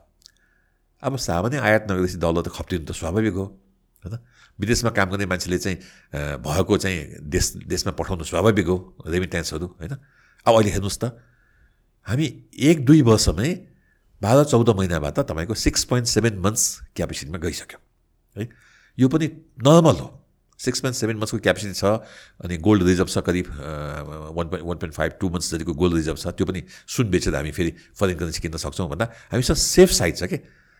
त्यो ठुलो इस्यु भएन त्यो डर भएन। डर कहाँ भयो भने सुशान्तजी जुन हिसाबमा यो घटिरहेछ यो घट्नलाई के गर्यो त गाडी रोक्यो होइन? गाडी इम्पोर्ट ब्यान गरिदियो। त्यो पनि त एउटा ब्याड इम्प्रेसन हो नि किन ट्याक्सेसन त आएको थियो। कति सामान इम्पोर्ट गर्न ब्यान गरिदियो। तर यो चेन्जेस लाइक दिज भनेको ड्रास्टिकली यसरी गर्ने कुरा होइन यस्तो हो कोभिडको टाइममा जुन डलर बढेको थियो त्यो त इम्पोर्ट नगरेर बढायो हो नि। अनि यहाँ भएको सामान कन्ज्युम भएर गयो कन्ज्युम भएर गयो सामान त खाली भएर गयो कि? अनि तपाईँको ओपन हुन साथ धेरै सामान इम्पोर्ट गर्नु पऱ्यो धेरै सामान इम्पोर्ट गर्दा के हो अर्थ मन्त्रालय खुसी भयो किनभने राजस्व त पुग्यो भन्सा राजस्व त पुग्यो जति टार्गेट थियो पुग्यो होइन अनि पुग्यो खुसी भयो तर के भइदियो डलर त बाहिर गयो आखिरमा आखिरमा हामीले के गर्यौँ सुनलाई ब्यान गर्यो के बजारमा आज सुन पाइन्न तपाईँ न्युयोर्कमा जानुहोस् त तपाईँले सायद अब किलो किलो किलो होइन सायद टनमा सुन चाहिँ त्यहाँ टोटल टनमा सुन होला एक टनमा सुन कति टन सुन होला जति पनि किलो सुन तपाईँले किन पाउनुहुन्छ सुन त ब्यान छ नि आखिरमा त भने हामीले के गर्यौँ भने सुनमा ब्यान गरेर होइन हामी के गर्यौँ त दुई नम्बर बजारलाई प्रोत्साहित गऱ्यौँ। अब सुन त स्मगलर भएर यति आइरहेछ यति आइरहेछ देशमा। हाम्रै दुई नम्बर डलर गइरहेछ। डलरको दाम तपाईँको पहिला जिरो थियो हुन्डीमा। अब सुन्छु दस रुपियाँ भयो अरे। रेमिटेन्स पनि सेम थिङ हो। रेमिटेन्स अब अब डर के छ भने श्रीलङ्का त हामी चाहिँ हाम्रो कम्पेयर गरेका थियौँ कि श्रीलङ्काको एउटा हाई प्रोफाइलको सेक्रेटरी एक्स सेक्रेटरी हामी चाहिँ बसेर श्रीलङ्का नेपाल कस्तो हुन्छ होइन पाकिस्तानसँग के भयो इन्डिया कस्तो हुन्छ भनेर प्रोफाइल गर्दाखेरि नेपाल श्रीलङ्का कहिले बन्दैन कि? नेपाल नेपालै हो नि। त्यहाँ हिमाल छैन हामी कहाँ हिमाल छ हामी कहाँ बुद्ध जन्मेछ त्यहाँ के पनि त्यहाँ रावण जन्मिएको छ कहाँ हामी श्रीलङ्का बन्छौँ या? बन्दै बन्दैन कि? होइन? तर के छ भने हामीले अठारवटा च्याप्टरमा चाहिँ चेक गर्दाखेरि सत्र च्याप्टरमा नेपाल धेरै स्ट्रङ छ। लोनको साइजमा लोनको रिपेमेन्ट सेटलमा हाम्रो फरेन करेन्सी रिजर्भमा सबैमा हामी एकदम स्ट्रङ छौँ रेभिन्यूमा होइन ट्याक्स रेभिन्यूमा सबै हामी ठग्छ क्या। तर कहाँ छ भने फरेन करेन्सी जुन हिसाबमा घटिरहेछ अब के हुन्छ म तपाईँलाई? मेरो नहोस्। यो देशमा नहोस् है। कहिले काहीँ बोल्दाखेरि कुरा पुग्छ मलाई साह्रै डर लाग्छ बोल्नु पनि कि। यो देशमा के हुनसक्छ भने फरेन करेन्सीको रिजर्भ अझ प्रेसरमा हुन्छ। अझ प्रेसर भएर तिन महिनामा फरेन करेन्सी रिजर्भ इम्पोर्टलाई पुग्ने तिन महिनाको फरेन करेन्सी भएपछि आइएमएफको टोलीहरू नेपाल आउन थाल्छन्। जुन अहिले आइसक्यो। अहिले तपाईँको काठमाडौँमा आइएमएफको टोली आएर इन्टरनेसनल मोनिटरी फन्ड ओके जसले हामीलाई लोन दिन्छ फरेन करेन्सी होइन रेस्क्यु प्याकेजहरू दिन्छ। अहिले काठमाडौँमा छ उनीहरू है? अहिलेसम्म क्रिटिकल छैन। तर तपाईँ गाडी एकचोटि ब्यान गरेर ओपन गर्नुहोस् त। अर्को दुई हजार गाडीको एलसी खोलिन्छ। सुन ओपन गर्नुहोस् त। कति टनको सुन खोलिन्छ। यो ब्यान गर्दा गर्दै पनि फरेन करेन्सी त बढेको छैन। सेम कोभिड जस्तै भयो। फरेन करेन्सी घटेर घट्दा घट्दा जब हामी तिन महिना छुन्छौँ नि त्यो धेरै टाढा छैन। मलाई लाग्छ विदिन टु फिजिकल इयर चाहिँ हामी तिन महिनाको रिजर्भमा पुग्छौँ अनि हामी आइएमएफमा गएर रेस्क्यु प्याकेजले जान्छौँ। गएपछि आइएमएफले पहिलो भन्ने कुरो उसले बोलेको होइन। म उसको बोली मै बोलिदिन्छु क्या जुन जसले जुन उसले विश्वमा बोलाएको छ श्रीलङ्कामा बोलेको थियो तिम्रो भारूसँगको एक रुपियाँ साठी पैसा चाहिँ भ्यालिड छैन त्यसले ओपन गर भनेर भन्छ उसले। एक रुपियाँ साठी पैसा भालु आज पैँतिस वर्ष भयो जस्तो लाग्छ मलाई। लक भएको। यसले हामीलाई ठुलो स्ट्रेन्थ दिएको थियो क्या ठुलो बचाएको थियो। त्यो बचेको बेलामा हामीले फरेन करेन्सीको चाहिँ रिजर्भ चाहिँ बढाउनु पर्थ्यो। आफ्नो आन्तरिक उत्पादन बढाउनु पर्थ्यो। है डोमेस्टिक प्रडक्टलाई बढाउनु पर्थ्यो। त्यो हामीले केही पनि गरेनौँ। उल्टो फरेन करेन्सी आएको फरेन करेन्सी रेमिटेन्सबाट आएको पनि हामीले खर्च गरेर भन्सारबाट देश बचायो कि? कति गलत पोलिसी हेर्नुहोस् त है। अब के हुन्छ? उसले एक रुपियाँ साठी पैसालाई ओपन गरेर भन्दा साथ मेरो परिकल्पना के छ भने मेरो साथी दिल्लीमा मैले गएको हप्ता कुरा गरेको थिएँ। आज एचएसबिसी ब्याङ्कले दिल्लीमा है नब्बे रुपियाँमा आइसी बुक गरेको छ फरवर्ड बुकिङ गरेको छ। भनेको नब्बे रुपियाँ आइसी अहिले कति छ त कति होला सायद? छ त सतहत्तर होला। त्यो नब्बे पुग्ने त छ पाँच वर्षभन्दा बढी समय रहन्छ नि। त्यो त लोड हाम्रोमा आउँछ आउँछ डिभ्यालुएसनको है। अहिलेको एक सय तेइस सायद एक सय चालिस रुपियाँ डलरको दाम पुग्ला। अनि एक रुपियाँ साठी पैसा आइसीको दुई रुपियाँ पुग्यो भने डलरको दाम त श्रीलङ्का जस्तो भएन त। दुई सय रुपियाँ नाग्छ डलरको दाम। दुई सय रुपियाँ डलरको ना दाम नागेपछि हाम्रो इम्पोर्ट बिल तपाईँको अहिलेको व्यापार घाटा भनौँ न करिब दस खर्ब बाह्र खर्ब कति छ? दस दस एघार खर्ब छ। त्यो व्यापार घाटा त अझ बढ्ने भयो। इम्पोर्ट बिल एकदम अझ बढ्ने भयो। फरेन करेन्सीको डिमान्ड एकदम बढ्ने भयो। अनि फरेन करेन्सीको तपाईँको ब्ल्याक स्टार्ट हुने भयो। अब तपाईँ हेर्नु होला टुरिज्म इन्डस्ट्रीले तपाईँको अलमोस्ट वान बिलियन डलर जति चाहिँ कन्ट्रिब्युट गर्थ्यो विगतमा। अब त्यति नै टुरिस्ट आओस् फिफ्टी पर्सेन्ट पनि कन्ट्रिब्युट गर्नेवाला छैन। थमेलको होटलले अब नाउँ त लिनु नहुने हो साना होटलले ठुला होटलले तिर लानु पुरै है ट्रान्सप्लान्ट वेमा। साना होटलले के गर्छन् अब एक सय बाइस रुपियाँको डलर एक सय पैँतिसमा बिक्री हुन्छ भने किन बेच्छन्? आज श्रीलङ्कामा त्यही हाल्छ श्रीलङ्कामा टुरिस्ट टुरिज्म इन्डस्ट्रीबाट यति लिकेज भएको छ रेमिटेन्सबाट यति लिकेज भएको छ आज तपाईँ कतारको के अरे दोहाको उमा जानुहोस् त एयरपोर्ट जानुहोस् त प्रशस्त नेपाली बसिरहेको हुन्छ। दाई डलर छ चार रुपियाँ बढी दिन्छु भनेर भन्छ। चार रुपियाँ बढी आएछ त म त डलर त्यहीँ बेच्छु त नेपाली पैसा लिएर आउँछु नि। आज नेपालमा भएको हजारको नोट कति छ राष्ट्र ब्याङ्कले अध्ययन गरोस् मलाई लाग्छ करिब थर्टी पर्सेन्ट हजारको नोट त सायद विदेशमा होला के? कतारमा जानुहोस् त जहाँ पनि हजारको नोट चल्छ। मलेसिया जानुहोस् त हजारको नोट चल्छ। त्यो भने के हो? पहिलो त हामी कहाँ करप्सन छ। म मेरो इस्टिमेटमा वान बिलियन डलरको करप्सन छ। वान बिलियन डलरको करप्सन छ सबै गरेर। त्यसको सिक्सटी सेभेन्टी पर्सेन्ट पैसा कहाँ जान्छ त? होइन कर्मचारीको छोराछोरी जो अस्ट्रेलियामा छ। राज्यले के गर्नु पऱ्यो कुन चाहिँ कर्मचारीको छोराछोरी विदेशमा छ कहिले गएको उसको खर्च कसरी आपूर्ति गरिरहेको छ तुरुन्तै स्टडी गर्नु पऱ्यो अनि जब उनीहरू पठाउँदैन के गरिन्छ? हुन्डीबाट तपाईँको पैसा पठाइन्छ। व्यापारीको पनि त्यही ताल्छ होइन? तपाईँको दस हजार पर्ने सामानलाई तपाईँको एक हजारमा इम्पोर्ट गर्छ। नौ हजार रुपियाँ त अन्डर इन्भोइसको फेरि पे गर्नु पऱ्यो सुनको तपाईँ यत्रो आयात छ टन टनमा सुन आयात छ है? अल्बौँमा सुन आयात छ। त्यो तपाईँको दुई नम्बरबाट गर्नुभयो भन्दा त अब डलरको दाम तपाईँको बिस तिस चालिस रुपियाँ ब्ल्याक पुग्यो भने आउने एक दुई वर्षमा अचम्म नमानुहोस् त्यसपछि फरेन करेन्सीमा प्रेसर आउँछ इन्फ्लेसन कहाँ पुग्छ है? अनि हामी फेरि श्रीलङ्कामा पैसा हुँदाहुँदै पनि विकासतिर होइन हामी चाहिँ कसरी खाना बनाउने उयो हाम्रो नाकाबन्दीमा जस्तो अवस्था थियो त्यो अवस्थामा हामी पुग्नु सक्छौँ। भगवान्लाई प्रार्थना छ पशुनाथ हुनुहुन्छ बचाउनु होला है? धेरैचोटि बचाउनु भएको छ। यो देश त्यस्तो नहोस् किन यो देश सुन्दर छ? एउटा क्विक ब्रेक लिने है? ल। लोड सेडिङको इस्यु कसो सल्भ भएको थियो? होइन लोड सेडिङमा त हामी अब म नेपाल उद्योग वाणिज्य महासङ्घमा थिएँ। म त एकदम रिसर्च गरेँ लोड सेडिङमा किनकि लोड सेडिङमा मैले बिजनेस पनि देखेको थिएँ कि। ओके। फर्स्ट त मैले के देखेँ भने आफ्नो स्वार्थ देखेँ कि लोड सेडिङमा लोड सेडिङ भएपछि त जेनेरेटर किन्छन् मान्छेहरूले इन्भर्टर किन्छन् मैले एजेन्सी लिएँ। एक लट मगाएँ पनि बेचे पनि थुप्रो नाफा भयो। कस्तो आत्मग्लानी भयो भने म जलविद्युत उत्पादन गर्ने मान्छे लोड सेडिङमा कमाउनु थालेँ भने त के भयो त यो? यो यो त मेरो मनले मान्नै मानेन मैले जम्मै एजेन्सी छोडेँ। एउटा इन्भर्टर मगाइनँ एउटा ब्याट्री मगाइनँ त्यसपछि होइन नाफा भयङ्कर थियो त्यति बेला। त्यसपछि धेरै रिसर्च गरियो कति लोड सेडिङ हो किन भएको है त्यति बेला नेपालमा उत्पादन सम्भव थिएन भारतबाट बत्ती ल्याउन सम्भव थिएन। भएको बत्तीको म्यानेजमेन्ट मात्रै गर्न सम्भव थियो। र धेरै उद्योगीहरूले के गर्थे भने चौबिस घन्टा बत्ती लिन्थे नेपाल विद्युत प्राधिकरणको कर्मचारीलाई घुस खुवाएर। त्यो पनि करोडमा। करोडमा घुस हुन्थ्यो त्यति बेला है। अनि डेडिकेटेड लाइन भनेर त्यति बेला लाइन दिइन्थ्यो घुस खाएर है।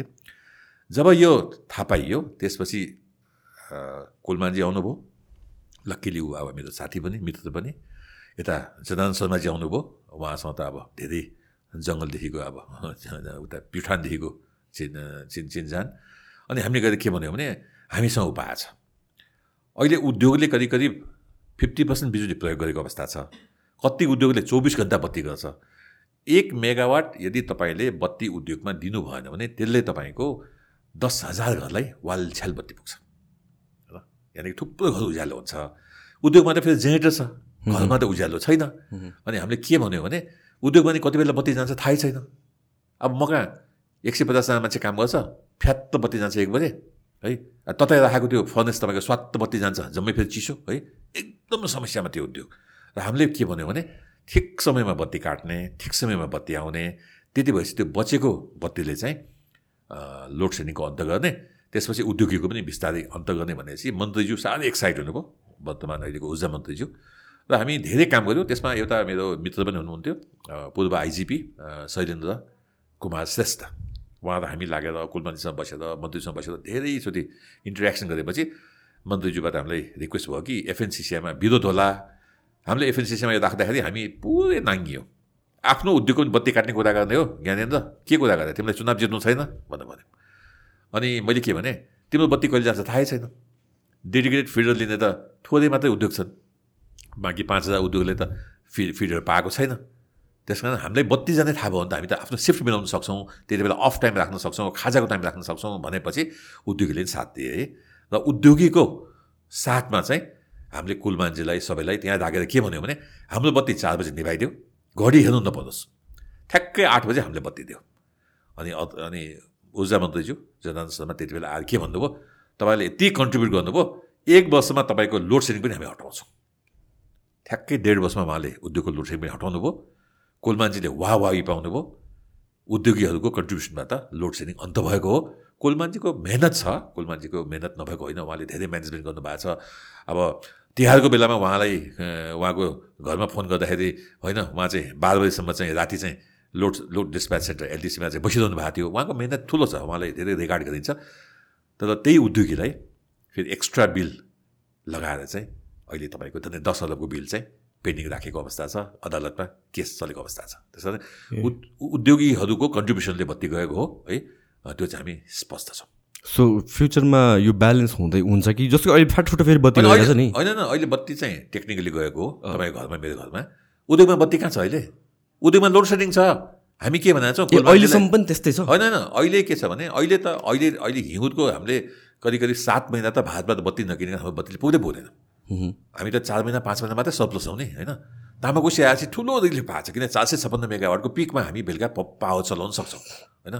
त्यो अवस्थामा अहिले भारतमा बत्ती किन्न पाइँदैन अहिले हामीले किनिरहेको छौँ भारतमा किनिरहेछौँ भारतमा हामीले छत्तिस रुपियाँ सत्तिस रुपियाँसम्म बत्ती किन्यौँ। अहिले भारतले के गरिदियो भने बाह्र रुपियाँ आइसीभन्दा बढी बिड गर्न पाइन्न भन्छ। कुल मान्छेले तिन सय पचास मेगावाट किन्छु भन्यो भने उहाँले पचास मेगावाट मात्रै पाउनुहुन्छ कि? अनि उहाँले के गर्नुभयो? उद्योगमा काटिदिनु भयो तर उद्योगमा काट्नुहोस् कुनै आपत छैन। तर तालिका त निकाल्नु पऱ्यो नि होइन उद्योगमा आज बत्ती छैन उद्योगमा लोड सेडिङ छ है के औद्योगिकरण चाहिन्न हामीलाई ठिक छ हामीले हामी कन्ट्रिब्युट गरौँला हाम्रो जेनेरेटर चलाउँला होइन किन सबै उद्योगीसँग त सयौँ मेगावटको जेनेरेटर छ नि त्यसबाट पनि चल्छ नि तर तालिका त हुनु पऱ्यो नि यति बेला काट्ने यति बेला आउने भनेर होइन तालिकै छैन अहिले त तर मलाई लाग्छ यो सर्ट टर्म हो यसमा हामीले अलिक सहनै पर्छ उद्योगीले पनि आउने एक महिनामा हामी चाहिँ नेट सरप्लसमा जान्छौँ पच्चिस सय मेगावाटको उत्पादन हुन्छ रातिको समयमा हामी हजार बाह्र सयभन्दा बढी खपत गर्न सक्दैनौँ। बाह्र सय तेह्र सय मेगावाटको हामी चाहिँ बिजुली चाहिँ सायद दस रुपियाँ भाडुमा भारत बेच्छौँ। नेपाल विद्युत प्राधिकरणले आउने वर्षमा मेरो विचारमा के नभए पच्चिस अरबको बिजुली निकासी गर्नेवाला छ। त्यो भनेको त ठुलो एचिभमेन्ट हो नि। यति सानो मार्केटमा अहिले है। यो मार्केट त फेरि ग्रोथ भइरहेछ। तर दुःखको कुरो के छ भने यति सम्भावना भएको क्षेत्रलाई पिपिए बन्द गरेर राखिदिएको अवस्था छ।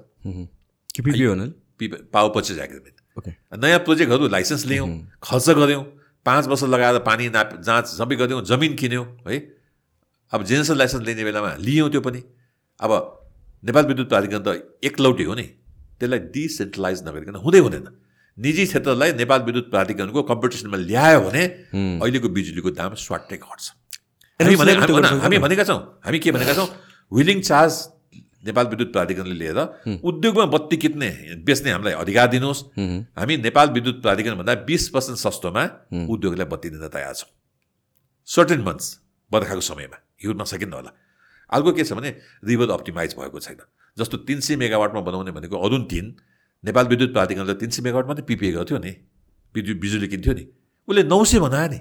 नौ सय बनाउँदा उसको पैँसठी अरबको आम्दानीसम्म पुग्न सक्ने भयो। तिन सय बनाएको भए त सायद बिस पच्चिस अरबमा हुन्थ्यो होला आम्दानी। रिभर पनि हामीले अप्टिमाइज गरेका छौँ। नेपाल विद्युत प्राधिकरणले नेपालभरिको त्रियासी हजार मेगावाटलाई बिस पच्चिस हजार मेगावाटमा सीमित गरिदिएको अवस्था छ। उसले के भन्छ? सानो बना सानो बना। ठुलो बनाएर त्यसलाई चाहिँ सस्तो बिजुली निकाल्नुपर्ने ठाउँमा नेपाल विद्युत प्राधिकरणले एउटा देशद्रोही काम गरेको छ। त्यो चाहिँ गर्नु कारण के हो? विगतमा कस्तो थियो भने भारतसँग हाम्रो बिजुली लिङ्क थिएन। बर्खामा बिजुली उत्पादन हुने हिउँदमा बत्ती नपुग्ने अनि बर्खामा कम बना ताकि बर्खा र हिउँदको ग्याप चाहिँ कम होस् होइन? अब नौ सय मेगा अब चार सय छप्पन्न मेगावाट बनाउने तामाकोसीले हिउँदमा त चौबिस घन्टा चलाएर त जम्मा कति निकाल्छ? नब्बे मेगावाट निकाल्छ नि होइन? त्यो ग्याप धेरै भयो कि? अब त हामी त एउटा सिङ्किङ मार्केटमा भएको हुनाले अब त चाहिए बेला भारतमा त हामी जति पनि ल्याउन सक्छौँ होइन? नचाहिने बेला भारतले जति पनि बेच्न सक्छौँ होइन? त्यो अवस्थामा मलाई के लाग्छ भने नेपाल विद्युत प्राधिकरणले क्यु फोर्टी भनिन्छ। यो संसारमा नभएको बिजुली महँगो गर्ने प्रथालाई चाहिँ तत्काल खारेज गरेर तिमीले अप्टिमाइज गरेर बनाऊ कतिमा सबैभन्दा सस्तो बिजुली निस्किन्छ त्यो बनाऊ भन्यो भने बिजुलीको दाम बिस पर्सेन्टले आजको दिनमा घट्न सक्छ। इन्डियाको कन्टेक्समा how does the government run होइन इन्डियामा त हामी म त इन्डियाको गभर्मेन्ट सिस्टमसँग एकदम आबद्ध छु। साथीहरू हामी म त धेरै इन्डिया पढेको है। बिजेपीमा धेरै राम्रा पोजिसनमा छ प्रधानमन्त्रीको एडभाइजरी पोजिसनमा अब नितिन गडकरीजीको एडभाइजरी पोजिसनमा होइन बिजेपीको अफिसमा छन्।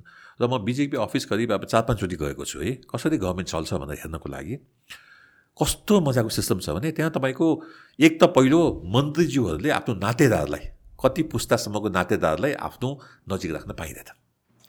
अब हामी कहाँ त? मन्त्री कहाँ जानुहोस् त। उहाँको भाइ भतिजा पिए बसिया हुन्छ। यो गलत हो कि? यो करप्सनको स्टार्ट त्यहाँबाट हुन्छ। प्रधानमन्त्री अफिसले के भन्नुपर्छ भने हामी स्वच्छ हुनु पऱ्यो तपाईँको अफिसमा चाहिँ यति पुस्तासम्मको नातेदार तपाईँले राख्न पाउनुहुन्न भन्दा साथ एउटा के हुन्छ तपाईँको भाइ भाइ भारदारदेखि तपाईँको टाढाको मान्छे आउनु परेपछि करप्सनमा के न केही रिस्ट्रिक्सन आउँछ। यो भारतमा छ अहिले है पाउँदैन है। दोस्रो के छ भने करप्सन लेभल भारतको असाध्यै तल गइरहेछ। नेपालको करप्सन लेभल तपाईँको असाध्यै उच्च लेभलमा गएर साउथ एसियामा बङ्गलादेशपछि सेकेन्ड हाइएस्टमा हामी पुगेका छौँ है? साँच्ची भए है? त्यस्तै हाइमा पुगिसक्यो। अब यसको लागि के छ भने अटोमेसन चिजहरू आउनु जरुरी छ। जस्तो भारतमा धेरै कुरो अटोमेसनमा गयो। अब मैले तपाईँलाई भनिहालेँ पासपोर्टमा यति राम्रो सिस्टमलाई बिगारेर हामी पैसा खाने सिस्टम बनायौँ। आज पासपोर्टको हाकिमले दिनमा दस लाख कमाएन भने मेरो कान काटेर फालिदिनुहोस्। त्यहाँ दस लाख दिने मान्छे तपाईँलाई म लाइन लगाएर भनिदिनु सक्छु। उसले पाँच हजार दिएको उसले दस हजार दिएको उसले पन्ध्र हजार दिएको पासपोर्ट बनाउनलाई भनेर। गलत हो नि। यातायातमा त्यही छ है? मालपोर्टमा त्यही छ सिडिओ अफिसमा त्यही छ। यो सबैले तपाईँको गऱ्यो भने आम जनता खुसी हुनु भनेको त भोटर आज किन मोदीले थोरै काम गर्दा पनि डिमोनिटाइजेसन गलत काम गर्दा पनि मोदी जितेर गइरहेछ? किन उसले विकासको काम गरेको छ? जनतालाई हित हुने काम गरेको छ? नचाहिने कानुन काटेको अवस्था छ। हामी कहाँ त एकमाथि अर्को कानुन। अर्को के हुनु पऱ्यो करप्सन होइन? चाहे प्राइभेट सेक्टरमा होस् चाहे होस् सजाय ठुलो हुनुपर्छ कि? मैले पेट्रोलियम पदार्थमा मिसावट गरेर वर्षमा तपाईँको भनौँ न अब पचास लाख कमाउँछु भने मलाई जरिवाना दुई लाख रुपियाँ छ कि? मलाई त एक करोड जरिवाना हुनु पऱ्यो नि वापसी जस्तो। आफै गएर चाहिँ क्लास लिनुपर्ने। अनि म गर्दिनँ त्यसपछि त। यदि मालपोतमा कसले करप्सन गरेको देखियो भने त्यो मान्छेलाई तत्काल तपाईँको कारवाही गरेर उसको जागिर चाहिँ त्यो क्लियर नभएसम्म बर्खास्त गरिदिनुहोस् त। मालपोतको करप्सन तुरन्तै रोकिन्छ। यहाँ त अख्तियार आयो है सम्पत्ति शुद्धिकरण आयो राजस्व निकाय आयो सबै आयो सबै करप्सनको ठेलो भएर गयो नि आखिरमा त। यी सबै निकायले कति कति कारवाही गरेर कति राजस्व उठायो त हेरौँ न एकचोटि। देश त विकृतिमा गयो नि। भारतमा त्यो छैन। भारतमा तपाईँको अलिकता यो पोजिटिभ डाइरेक्सनतिर गइरहेको अवस्था छ। पूर्वाधार हेर्नुहुन्छ एक्ज्याक्टली थाहा छ उनीहरूलाई के गर्नुपर्ने के गर्नु नपर्ने पूर्वाधारको विकास हाइवे हेर्नुहोस् त। कति हाइवे बनिरहेछ है? है? सुशासन हेर्नुहोस् त है? अब सोलर हेर्नुहोस् त। संसारभरि सबैभन्दा महँगो सोलर भारतमा दुई रुपियाँमा आइसीमा किन्न पाइन्छ। अब आउने छ छ पाँच छ वर्षमा एक रुपियाँ भाडुमा किन्न पाइन्छ। अब हाम्रो हाइड्रो पावरलाई पनि थ्रेट भइसक्यो। आउने पाँच वर्षमा हामीले दस बिस तिस हजार मेगावाटको योजनाहरू अगाडि बढाउन सकेनौँ भने नेपालको पानी र बिजुलीको सम्भावनाको कम्पिटिटर फेरि सोलर सोलर आउँछ हाइड्रोजन फ्युल सेल आउँछ होइन? धेरै कुरो आउँछ। यो मौका अन्तिम मौका हो नेपालको लागि सर्भाइभलको लागि। त्यसमा भारतमा फेरि अब चन्दाको कुरा गर्छु भारतमा सानो चन्दा राजनीतिक मन्त्रीहरूले उठाउँदैन। मुकेश अम्बानीसँग लिन्छ होला वान बिलियन डलर टाटासँग लिन्छ होला तपाईँको दुई चार अर्ब पैसा है? लिन्छ होला चन्दा। ब्यालेन्स सिटमा खर्च लेखेर दिन्छन् उनीहरूले है? तर नेपालमा आम नेपालीसँग उठेको पैसा तपाईँको शोषित भएर उठेको गरिब जनतासँग उठेको पैसा तपाईँको जान्छ। त्यस कारण मलाई के लाग्छ हामी चाहिँ राइट ट्र्याकमा छैनौँ होइन? अब अख्तियारले कति कारवाही गर्यो त? हेरौँ न एकचोटि। गरेको कारवाहीमा कति पर्सेन्टेज सक्सेस भयो त? सम्पत्ति शुद्ध गर्ने कति कारवाही गर्यो त? होइन? सक्सेस रेट केही पनि छैन।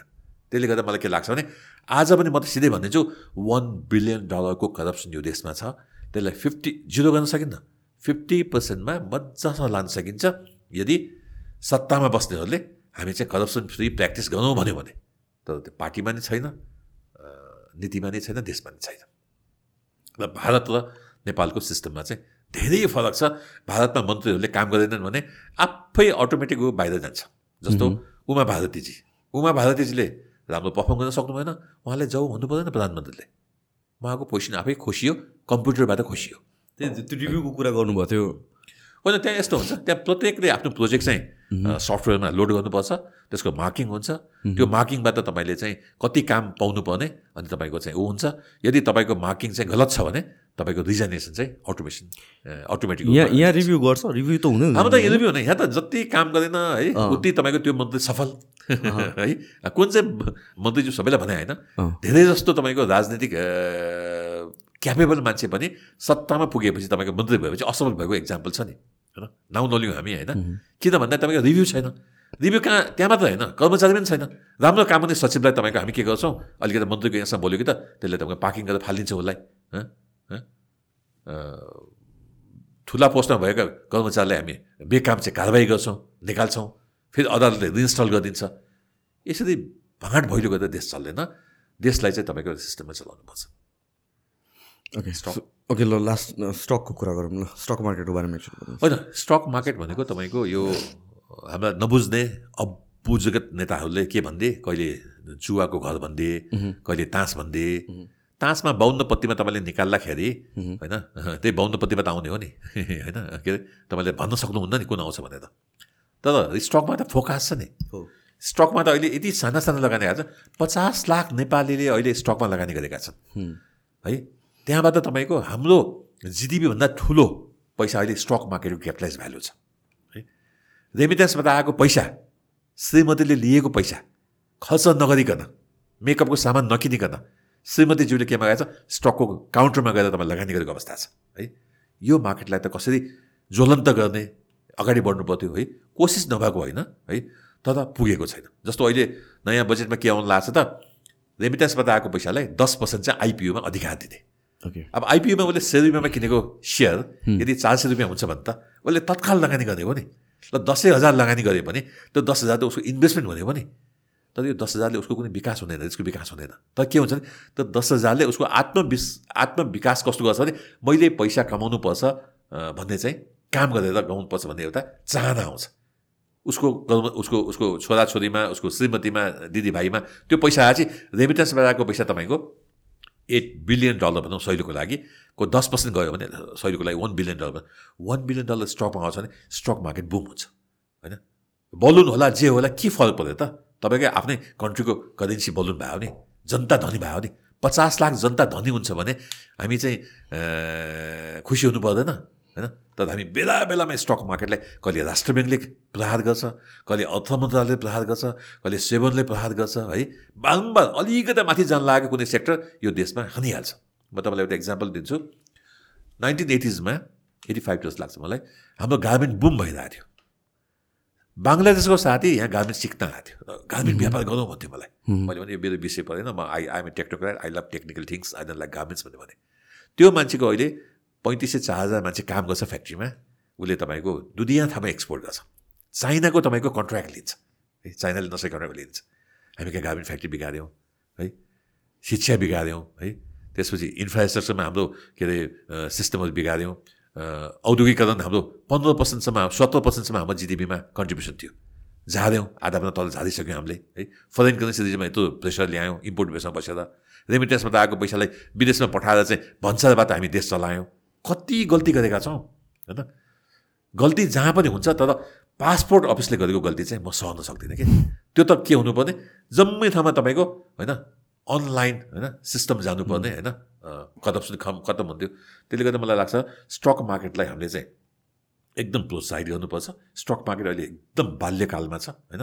स्टक मार्केटमा यो नचाहिने नीति ल्याउनु भन्दा त्यसलाई प्रोत्साहित गर्ने नीति ल्यायो भने स्टक मार्केटमा यति धेरै पैसा कलेक्ट हुन्छ नि होइन? त्यो कलेक्ट भएको पैसा कहाँ जान्छ त? रक्सी खान गएको छैन नि।